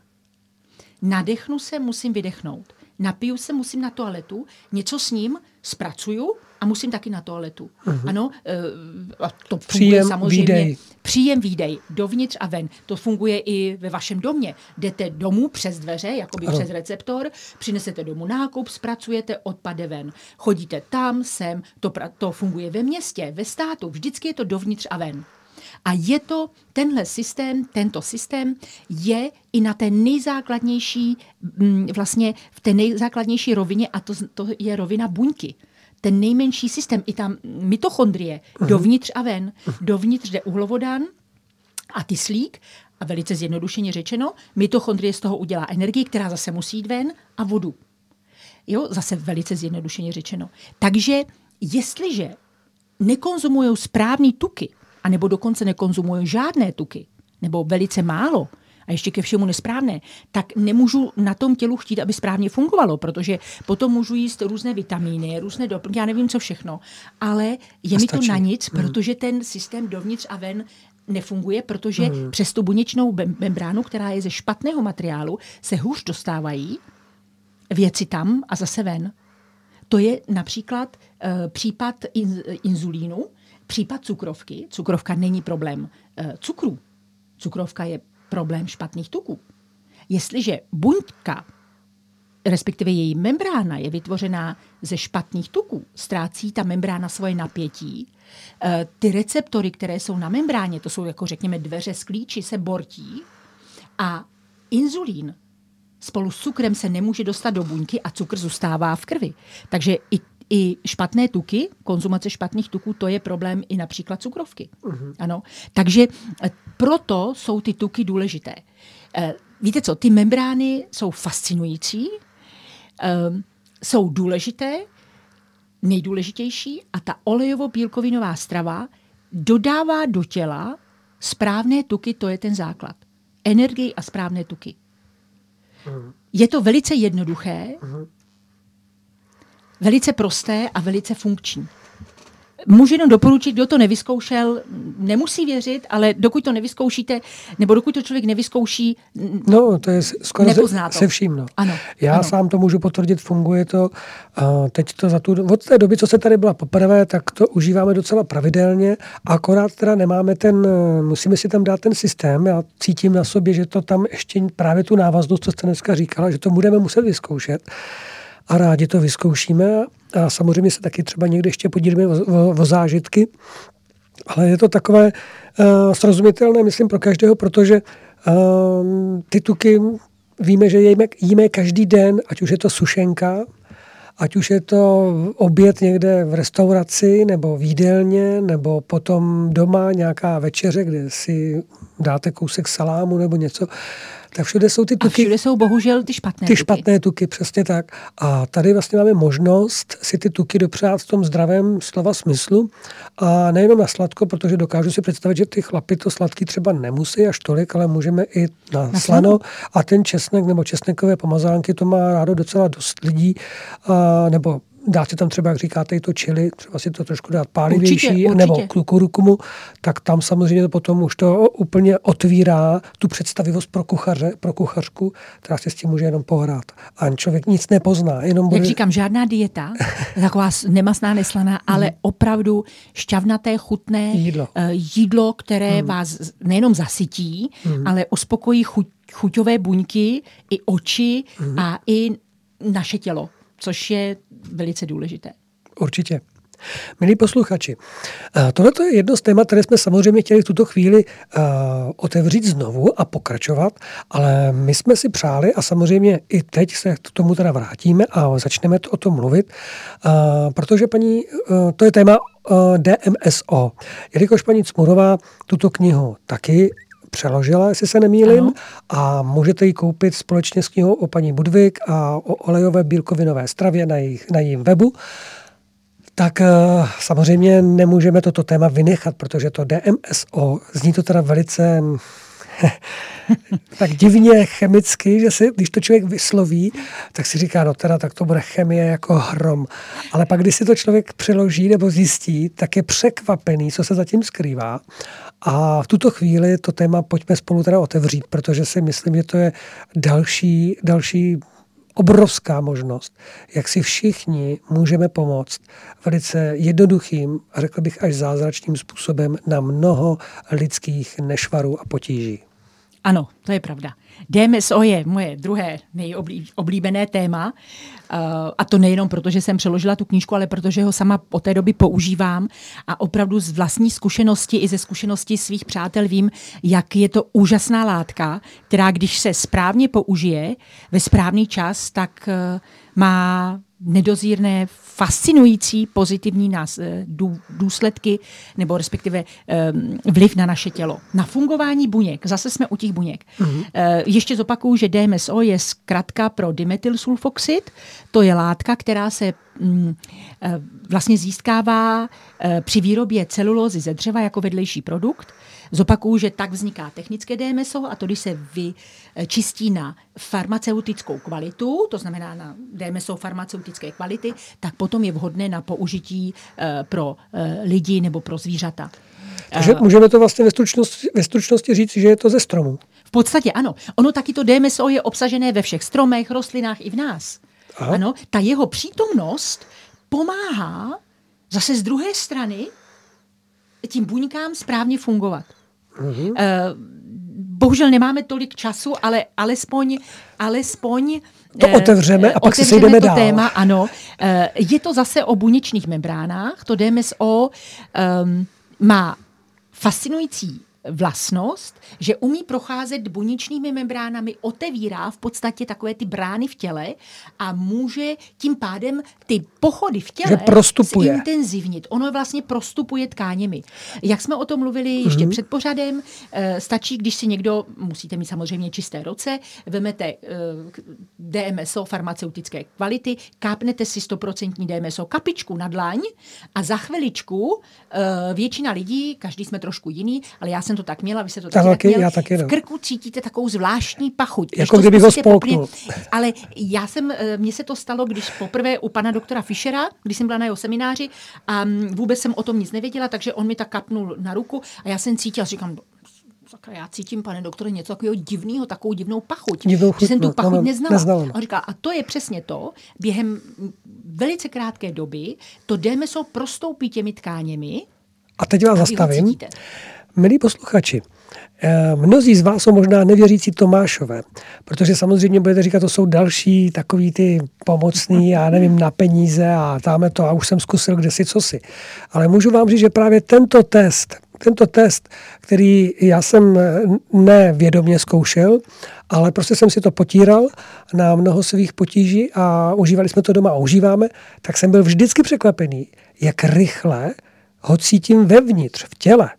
A pozor, to šlo jenom přes kůži, ať už jsem si to mazal na ruku, na nohu, na břicho, na hruď nebo na záda, tak vám můžu potvrdit, opravdu za chvilku to cítíte vevnitř. Takže tam je krásná, řekl bych, až pozitivní zkušenost. Opravdu pozitivní zkušenost, že jste si stoprocentně jistý, že to za pár vteřin cítíte v těle. Ano. To znamená, že to tam je. A tady ten zvláštní prožitek už způsobuje to pozitivní jak bych to řekl, prostě, že to přijímáte, že jste že jako, to ubezpečení, no, že to funguje. Tak, že to, je, že, funguje. že to není žádný... Už to jede, ano, už je to ano, ve mně. Je to, je to ono. Tak, ano. jo, takže to je, to je něco, co může pomoct mnoha lidem, kteří nevěří, kteří si říkají, kdo ví, co to je. Tak tenhle ten efekt můžu vám potvrdit. Zase člověk to musí vyzkoušet, protože samozřejmě všichni jsme, každý jsme uh, jiný. Je to individuální. Jsme individuality. Jo, ale uh, jak říkám, tam zase taky je třeba rozlišit třeba akutní, něco akutního, bouchnu se, mám modřinu, říznu se, škrábnu se, potřu roztokem mm-hmm. a, to, a něco, uh, nějakou, nějaký problém, který je dlouhodobý. Třeba já, možná jsem to minule už říkala, problém s očima, Sklivcové zákalky jsem měla, měla jsem, já nevím, co jsem ještě v očích měla, prostě eh, degenerativní změny a tak dále a tak dále. Takže jsem si začala kapat nejdříve 3% kapičky, teď kapu 20% kapičky, které trochu pálí, ale, mm, ale to je jedno. Eh, ty oči eh, se, je pravda, že to trvalo dva roky kapu už dva a půl, budu kapat do konce života a dvakrát denně a můžu vám říct, že to je úplně fascinující. Ale tam si člověk musí dát pozor na hygienu, na to, z čeho si ty kapičky dělá, nebo jestli si je koupí. Uh, jo, je to zase individuální. Já si je dělám, musím být opatrná, protože to DMSO, uh, přitom, jak je fascinující opravdu, co umí dělat s lidským tělem, protože bohužel na to nemáme čas, tak eh, doporučuji, aby se lidé podívali jenom krátce na www.dmsokniha.cz a tam, když srolují dolů po stránce, tak je vyjmenováno alespoň několik uh, věcí, co to DMSO dovede uh, dělat s buňkami. Ano, uh, už jenom to, že aktivuje tu buněčnou membránu, ano. to znamená, hmm. že vlastně zlepšuje ten proces dovnitř a ven, takže já ho považuji, to DMSO, v kombinaci s tou stravou paní doktorky Budvik za úplně geniální.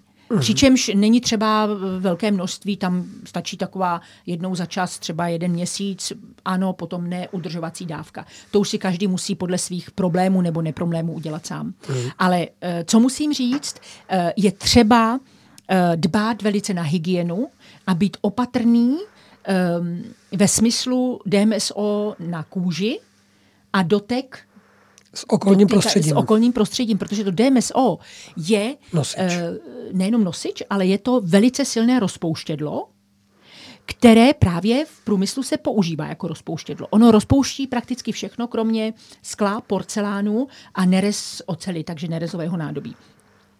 Takže když s ním pracujete, musíte uh, mít všechno skleněné nebo porcelánové. Jo? Když si dá člověk do té základní dávky, která je pro 70 kilového člověka, když to chce teda pít, uh, tak jedna lžička do 300 ml vody jednou denně mezi jídly, aby to nepřišlo do styku s léky, s jídly, aby se nezatěžovaly játra, protože uh, přece jenom, když člověk to DMSO pije, je to výborné, protože člověk takový pružnější, tím díky tomu, že DMSO je rozpouštědlo, tak vlastně rozpouští takové ty nánosy e, něčeho, k čemu se dopracováváme e, v průběhu let, to znamená v kloubech, ve šlachách, e, jo, třeba v těch očích, e, v mhm. uších, ve střevech, prostě ve střevech, mm. e, v játrech.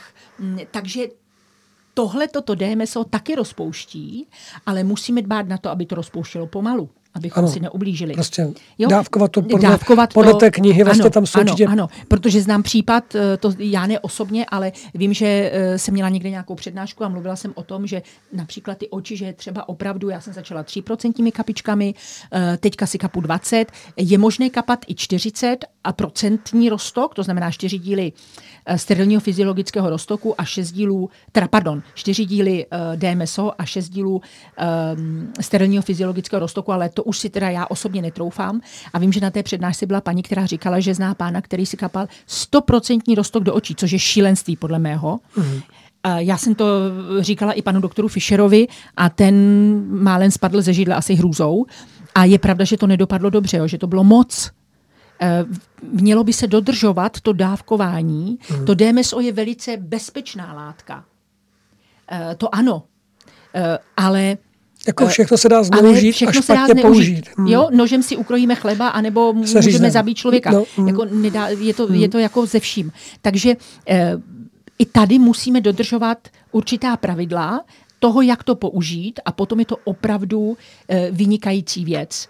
I na akutní třeba zranění, namožení svalů, bolesti takové rýmu, eh, ale i na dlouhodobé problémy. Třeba moje kamarádka šumělo jí v uších Uh, říkala, že to je velice nepříjemné, tak jsem říkala, OK, 20% kapičky jsem jí dala, kapala dvě kapky do jednoho ucha, počkala vlastně, na, ležela na straně, aby ty kapky mohly projít tím uchem, 20 minut na jedné straně, 20 minut na druhé straně, do druhého ucha také dvě kapičky a, a říkala mi potom, že za tři týdny a bylo pošumění v uších.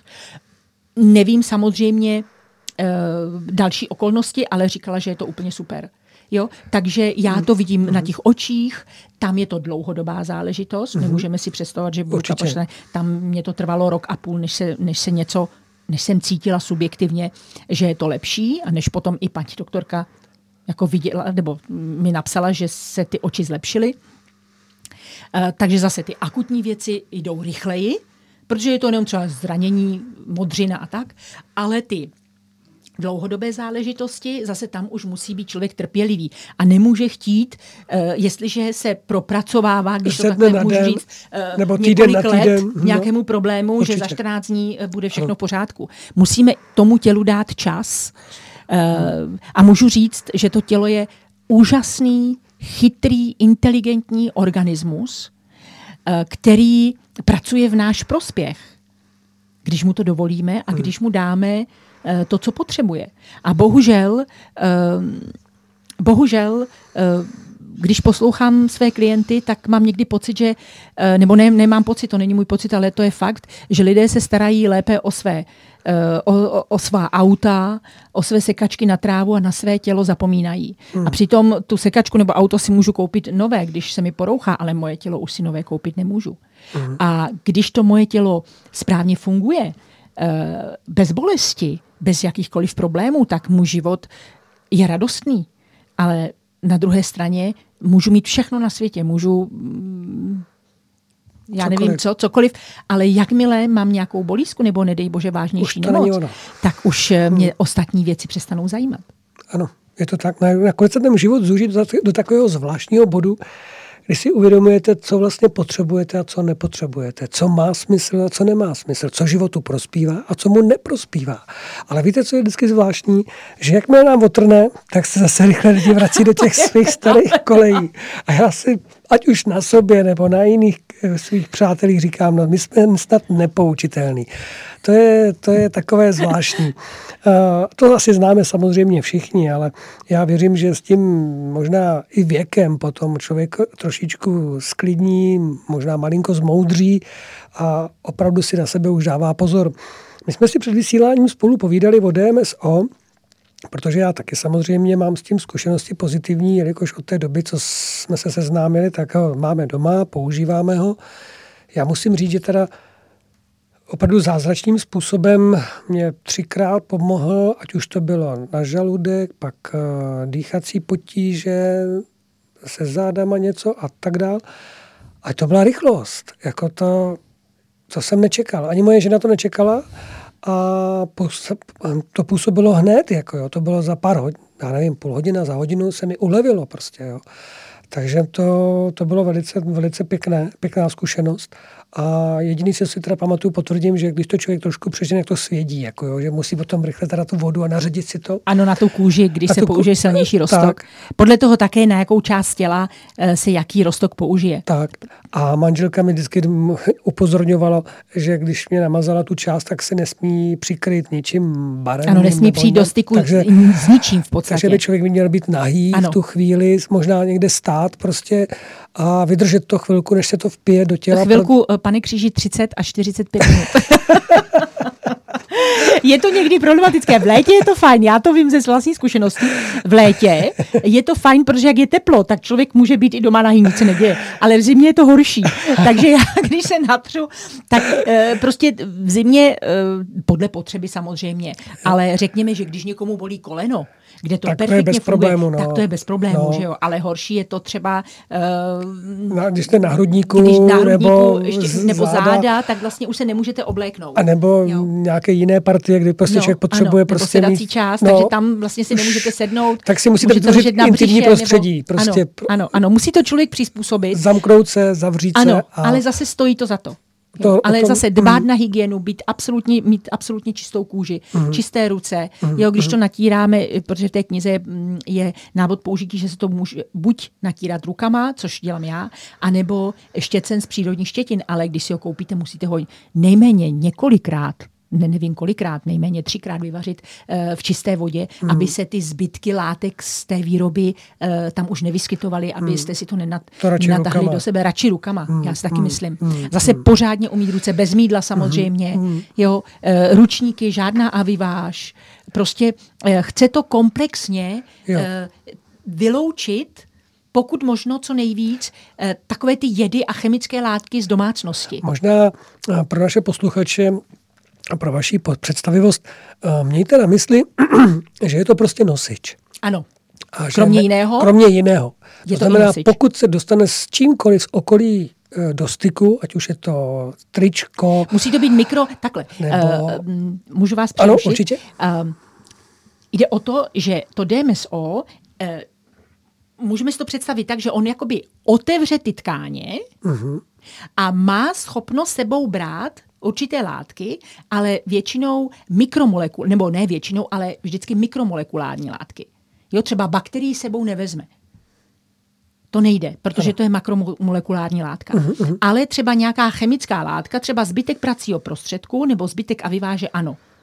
Jo, nebo Ano. z, řekněme, že mám DMSO na ruce a dotknu se e, nějakého stolu, který je nalakovaný něčím, tak nebo tiskarské černi, tak to ano, ale e, třeba, e, mm, jak jsem říkala, e, makromolekulární látky jako bakterie, tak to není schopno sebou vzít.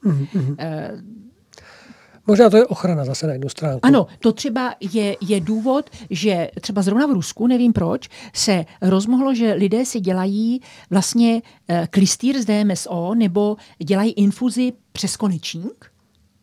A na začátku vlastně byly obavy, jestli vlastně ty věci z toho konečníku, to znamená odpad, v podstatě tělesný odpad, nepůjde naspátek do, do toho střeva nebo Do těla. do těla.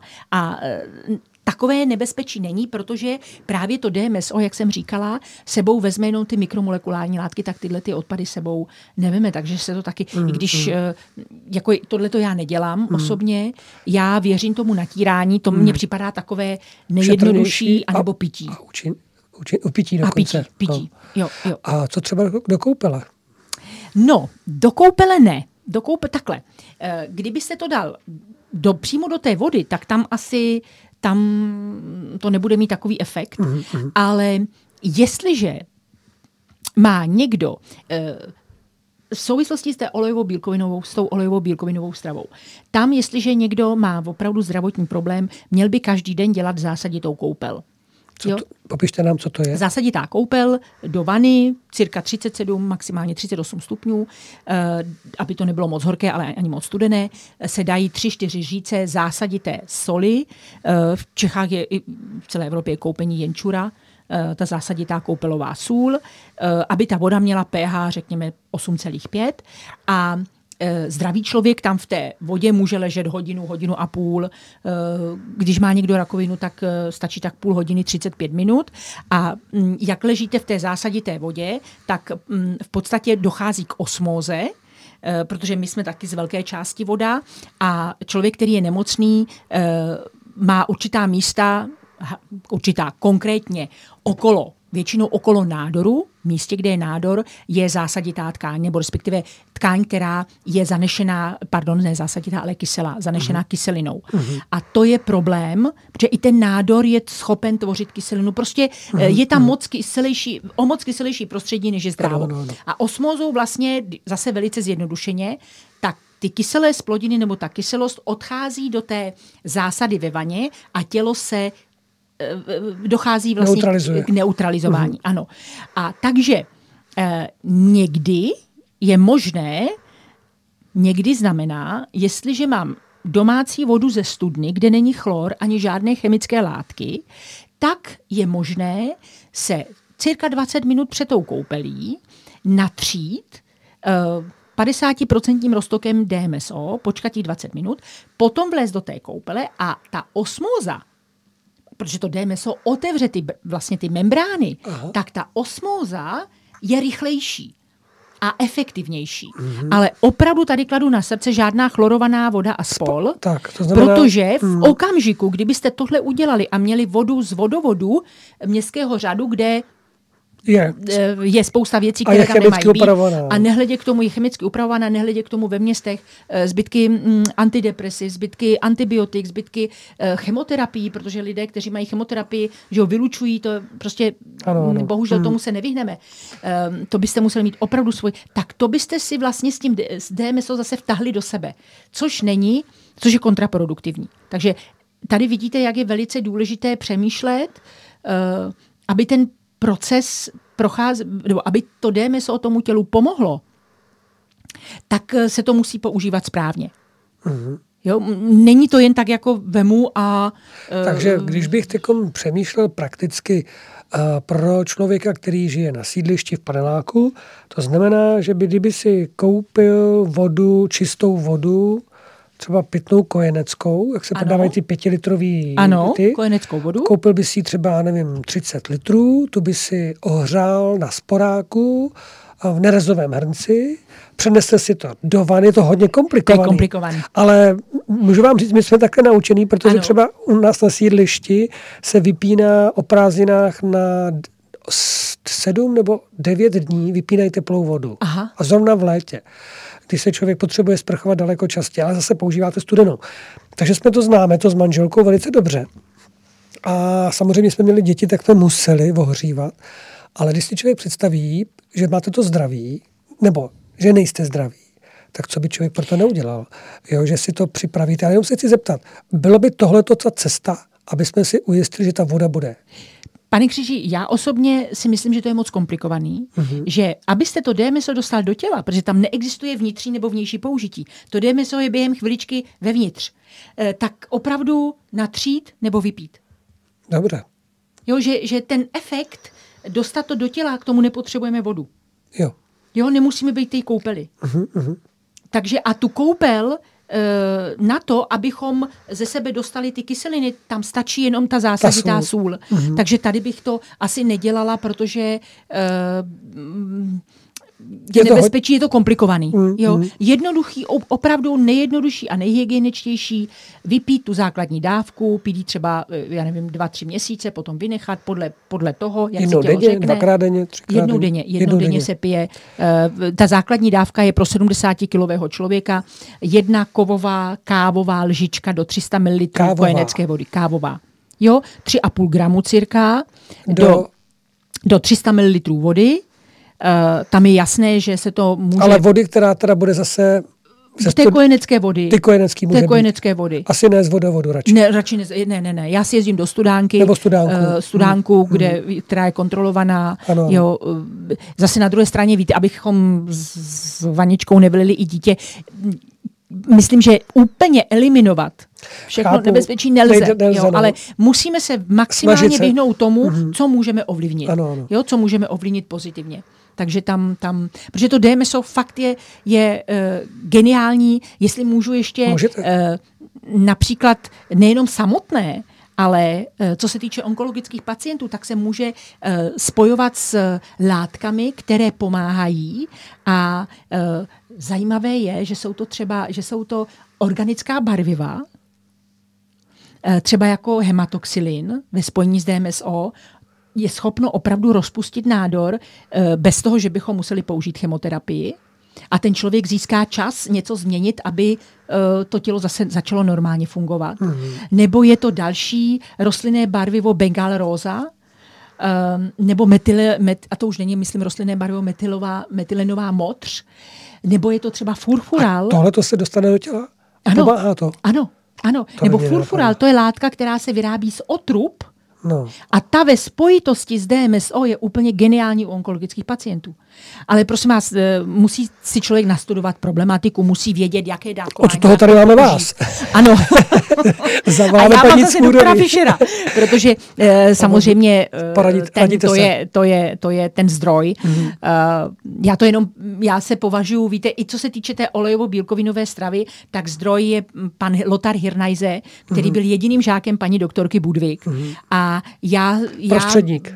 děkuju Bohu, že jsem se dostala k němu vlastně, mm-hmm. že jsem mohla se vzdělat u něj, že všechno, co vím, mám od pana Hirnajzeho. On to má všechno od paní doktorky Budvik a já v podstatě jsem opravdu, jak říkáte, jenom prostředník nebo jenom takový kanál, kterým ty informace jdou Proud. dál, dál uh, uh, do Čech mm-hmm. a také na Slovensko. Proto, a to tež je s tím DMSO. Ten zdroj uh, je původně úplně pan doktor Walker, uh, pan doktor Fischer, uh, kteří se tím zabývají už dlouho. A, mm, Takže to DMSO jako z Německa zase? To no, myslím, že původně z Ameriky. Aha. Zase je to vysvětlené v té knižce už od 50. let minulého století, výzkumy, vědecké, vědecké různé studie a tak dále. To není žádná neznámá látka. Jo. A eh, je opravdu třeba já, protože já jako nerada, nebo vlastně posledních 8 let jsem nepožila žádný lék, žádnou chemikáli, dávám si veliký pozor, abych tomu svému tělu neublížila, eh, tak eh, když něco, tak já to používám, dělám si z toho, a na to je meso vynikající, macerát z rostlin. No to nám pověste. To je opravdu geniální, protože když si uvědomíme, uh, že DMSO má jednu super vlastnost, když to řeknu obrazně, kamarádí se, neboli rozpouští a je rozpustné ve vodě, takže kamarádí se s vodou, kamarádí se s proteiny, kamarádí se ze soli, ze solemi, eh, kamarádí se s cukry i s tuky. Proto prostupuje celým tělem. No Kromě nechtů a vlasů ne, neprost, eh, do vlasů a do nachtů nejde. Tam se nedostane. Hmm. Ale jinak všude. A vemte si, že v určitých rostlinách jsou určité látky, některé se rozpouští jenom ve vodě, některé jenom v, eh, v, v tuku. V tuku. Ano. A třeba v olivovém oleji nerozpustíte cukr. Takže jsou látky, které vlastně jako se spolu nekamarádí. Proto říkáme, tento DMSO se kamarádí prakticky se vším. S těmito organickými látkami. Takže do něho můžu něco A dát.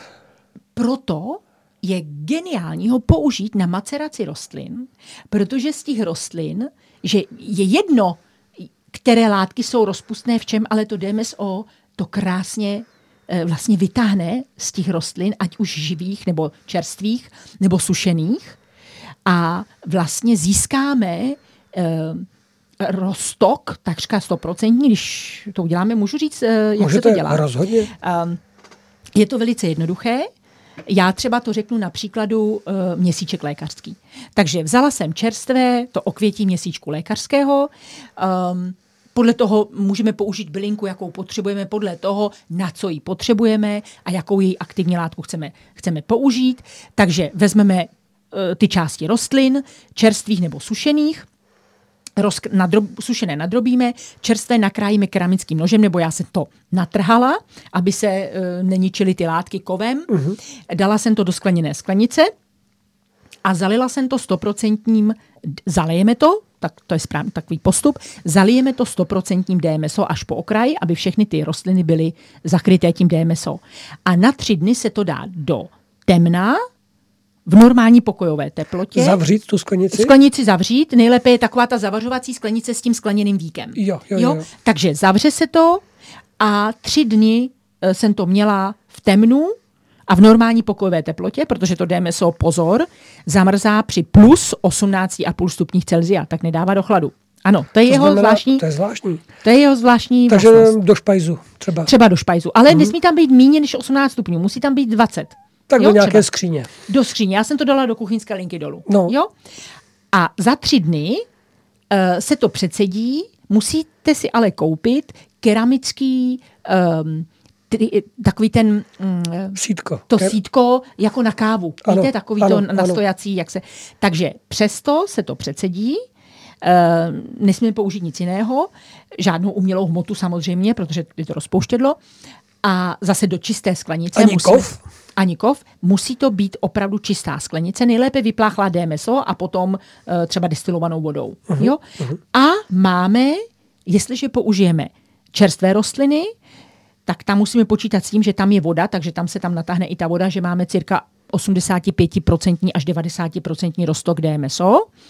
S těmi látkami z té rostliny, to už je vidět na té barvě, jak je to intenzivní. A jak úplně vidíte, jak ten zbytek té rostliny, který vylejete, už je skoro bílý. Jo? A e, nebo když použijete suchou rostlinu, such, suchou bylinku, tak už je to 90, 95 až 99% rostok DMSO s, tou, s těmi aktivními látkami z té rostliny a tenhle ten rostok, ať už z té čerstvé byliny nebo z té suché byliny, je takový macerát intenzivní, který můžeme buď použít takový, jaký je, na, zase musíme vědět, na jaké části těla, jaký rostok můžeme použít, nebo ho můžeme zředit e, destilovanou vodou nebo sterilním fyziologickým roztokem a můžeme ho použít e, na určité části to, těla. Co potřebuje. Ale hmm. musíme si dávat pozor, protože e, to, co chceme déle uchovávat, ten rostok, měl by být nejméně 60%, protože potom je stabilní, nekazí se. Nejméně. nejméně, nejméně. Já radši uchovávám 75%, prostě jak ho udělám, když mm, tak ho nechám, to znamená 85%, 90% podle suchá nebo čerstvá rostlina.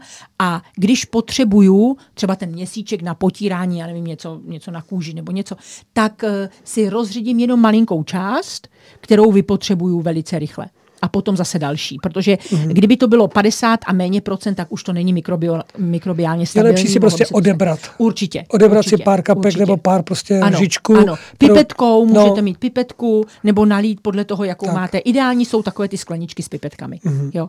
A opravdu to nemá chybu. No tak to je nádhera. Takže to je takový jeden typ, samozřejmě těch typů je spousta. Um, ale tohle to, to si může udělat každý a vlastně znásobí mm-hmm. uh, těmi látkami z té rostliny se znásobí uh, účinnost toho DMSO, protože to DMSO samo o sobě tlumí záněty, jenom takové to nej, nej, nej tlumí záněty, uh, tlumí bolest, uh, zlepšuje chod těch buněk nebo práci těch buněk a ten ta rostlinná látka vlastně ještě prospěje dál. Já a jsem... ještě se lépe, pardon, no. dostane do té tkáně, protože to DMSO je taky nosič. Takže ta symbioza je geniální. No určitě. Mě dokonce napadlo, když jsem o tom přemýšlel, právě jako v kontextu těch buněk a té olejovo-bílkovinové stravy, že to vlastně může působit i, jak bych to teď řekl, správně, na omlazení těla. Určitě. Protože když na vás podívám, vypadáte pořád hezky mladě, Děkuji. jako máte vypnutou pokožku, když jste tady paní, no vy uvidíte na internetu, eh, vypadá velice dobře. A já jsem teda zkusil si i mazat taky na obličej, to, co udělá. Já mám tak naředěnou z rukou, co, co mi zbylo, ano, když jsem si mazal ano, právě na tu horoť nebo na bříško, tak jsem si to potom, co mi bylo, také na, na, na obličej. A je to zajímavé, že to cítíte, takový zvláštní... Cítíte? Zvláštní a říkal jsem si třeba... Napí, trošičku no, jako to no, no, no, napíná, no, no, no. ale ta pokožka je taková hladší. No. Uh, tak já se přiznám, že já mám desetiprocentní rostok DMSO a to znamená jeden díl DMSO a devět dílů uh, stačí, tady stačí destilovaná voda z lékárny a používám to ráno a večer jako pleťovou vodu, hmm. ale musí mít absolutně čistý obličej, protože zase nemůžu, nemůžu žádný látky, žádný krém nic, nebo něco, nic, ne, ne, ne, hmm. vždycky a když jsem doma, tak samozřejmě na obličej mi jde jenom tahle ta pleťová voda z DMSO hmm. a potom to smeju po půl hodině a uh, místo krému použiju, protože krémy když si přečtete, jaké jsou tam látky, no, právě. tak jako tak uh, používám bambucké máslo, bio, a tím se vlastně mažu a nepotřebuju žádný krém a mažu si s tím celé tělo. Je to přírodní látka a neuškodí, když mi tam zůstane trošičku zbytek DMSO. Samozřejmě potom pro pokročilé eh, je ještě jeden kosmetický přípravek a tam už se zase musí vidět, jaký poměr a tak. Dámy mě můžou napsat, já jim to poradím. Tam se um, dělá směs DMSO, pravotočivé kyseliny mléčné, která má geniální, ta je v té zelené šťávě, mimo jiné v té olejovo-bílkovinové stravě. V, tom, v té šťávě z kvašeného zelí je pravotočivá kyselina mléčná. Proto se ta šťáva pije, Aha. kromě jiného. A představte si, DMSO ve spojení s pravotočivou kyselinou mléčnou nejenom v těle, ale i na pokožce dělá zázraky. Trošičku chloridu hořečnatého, pravotočivá kyselina mléčná, DMSO a no. nepotřebujete žádný drahý krém. no teda, milé dámy, vidíte to, že si můžeme pomoct i takovými to přípravky, abychom, eh, jak eh, říkal i pan profesor Staněk, že jsme programovaní na 120 let, takže proč, proč tomu nevěřit, protože opravdu přípravky, nebo příroda Příroda nám připravila spoustu pomocí a spoustu zázračných, zázračných um, doslova ozdravujících a uzdravujících, teď nechci říct um, léků, ale látek, pří, látek přípravků, ano, ano. které nám můžou pomoci. Takže můžeme vřele doporučit. Já všem připomínám, že tady se mnou dneska ve studiu byla paní Helena Cmůrová. Najdete ji na jejím webu Stačí zadat paní Cmurová a ona vám to vyjede, všechny ty videa, všechny ty e, její přednášky a i knihy, které přeložila, tak se s ní můžete spojit, ona vám ráda poradí, můžete jí zavolat, anebo kdybyste chtěli víc, tak si domluvit konzultaci, abyste se mohli dostat hlouběji do toho, jak si pomoct a jak si ozdravit život i tu duši, která taky občas potřebuje, nebo možná hodně potřebuje právě očistit, protože ty dušičky když jsou, jak by to řekl, bolavé, smutné, smutné tak můžeme do toho těla ládovat, co chceme a ono to potom nemá ten 100% účinek. Hmm. Takže ta duše by měla začít se léčit jako první a hned v závěsu i to tělíčko. Asi se mnou budete souhlasit. Ano, naprosto souhlasím. Já si myslím, že důležitá je radost ze života. Je jedno, co děláme. Hmm. Je jedno, v jaké jsme životní situaci, eh, ale měli bychom si zachovat radost z obyčejných věcí, že svítí sluníčko, nebo že prší, Bůh zalévá zahrádku. Eh, měli bychom se opravdu radovat z každého okamžiku, když žijeme a eh, měli bychom udělat jednu věc sami pro sebe a tím bych, jestli se můžu ze posluchači rozloučit, vlastně chtěla bych jim vzkázat jednu věc, které je obsaženo všechno. Měli bychom se k sobě chovat lásky plně. Sami k sobě. To je krásný. To je velice hezký. Skoro bych tomu dodal, uh, No, nebudu dodávat nic, protože tohle je řečený, je tam řečený úplně všechno. Milí posluchači, já vás všechny srdečně zdravím. Děkuji paní Cmurové za to, že nás dneska znovu navštívila. Já děkuji za pozvání. Věřím, že budeme pokračovat dál, protože tam je spoustu dalších témat, které můžeme společně otevřít.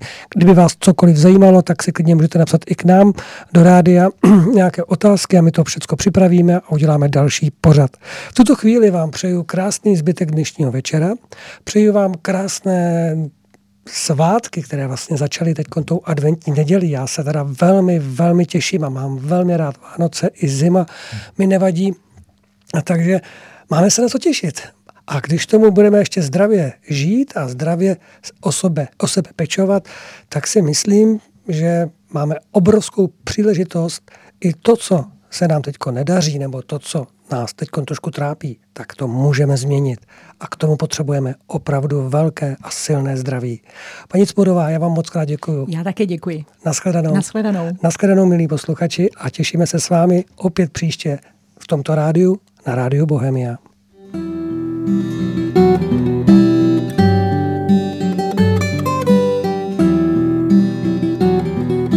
Či krása bohatstvo, pôvod, či mysel zdravá, voľačo väčšina, všetko, či iba časť dostala u teba. Trón celkom podľa práva, tvoj poklad lásku si koreňom nechám rásť.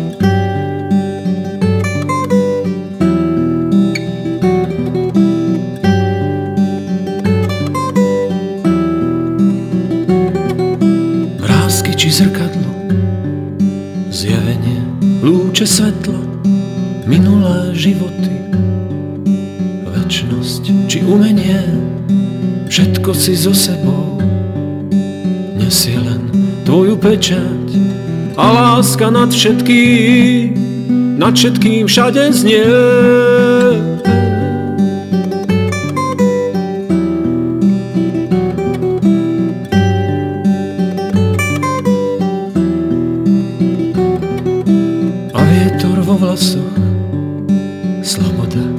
Šťastia, blízkosť či vzdialenosť, do seba návraty, verte či neverte, zo srdca venovania, lásku nám do duší, na veky pečatí.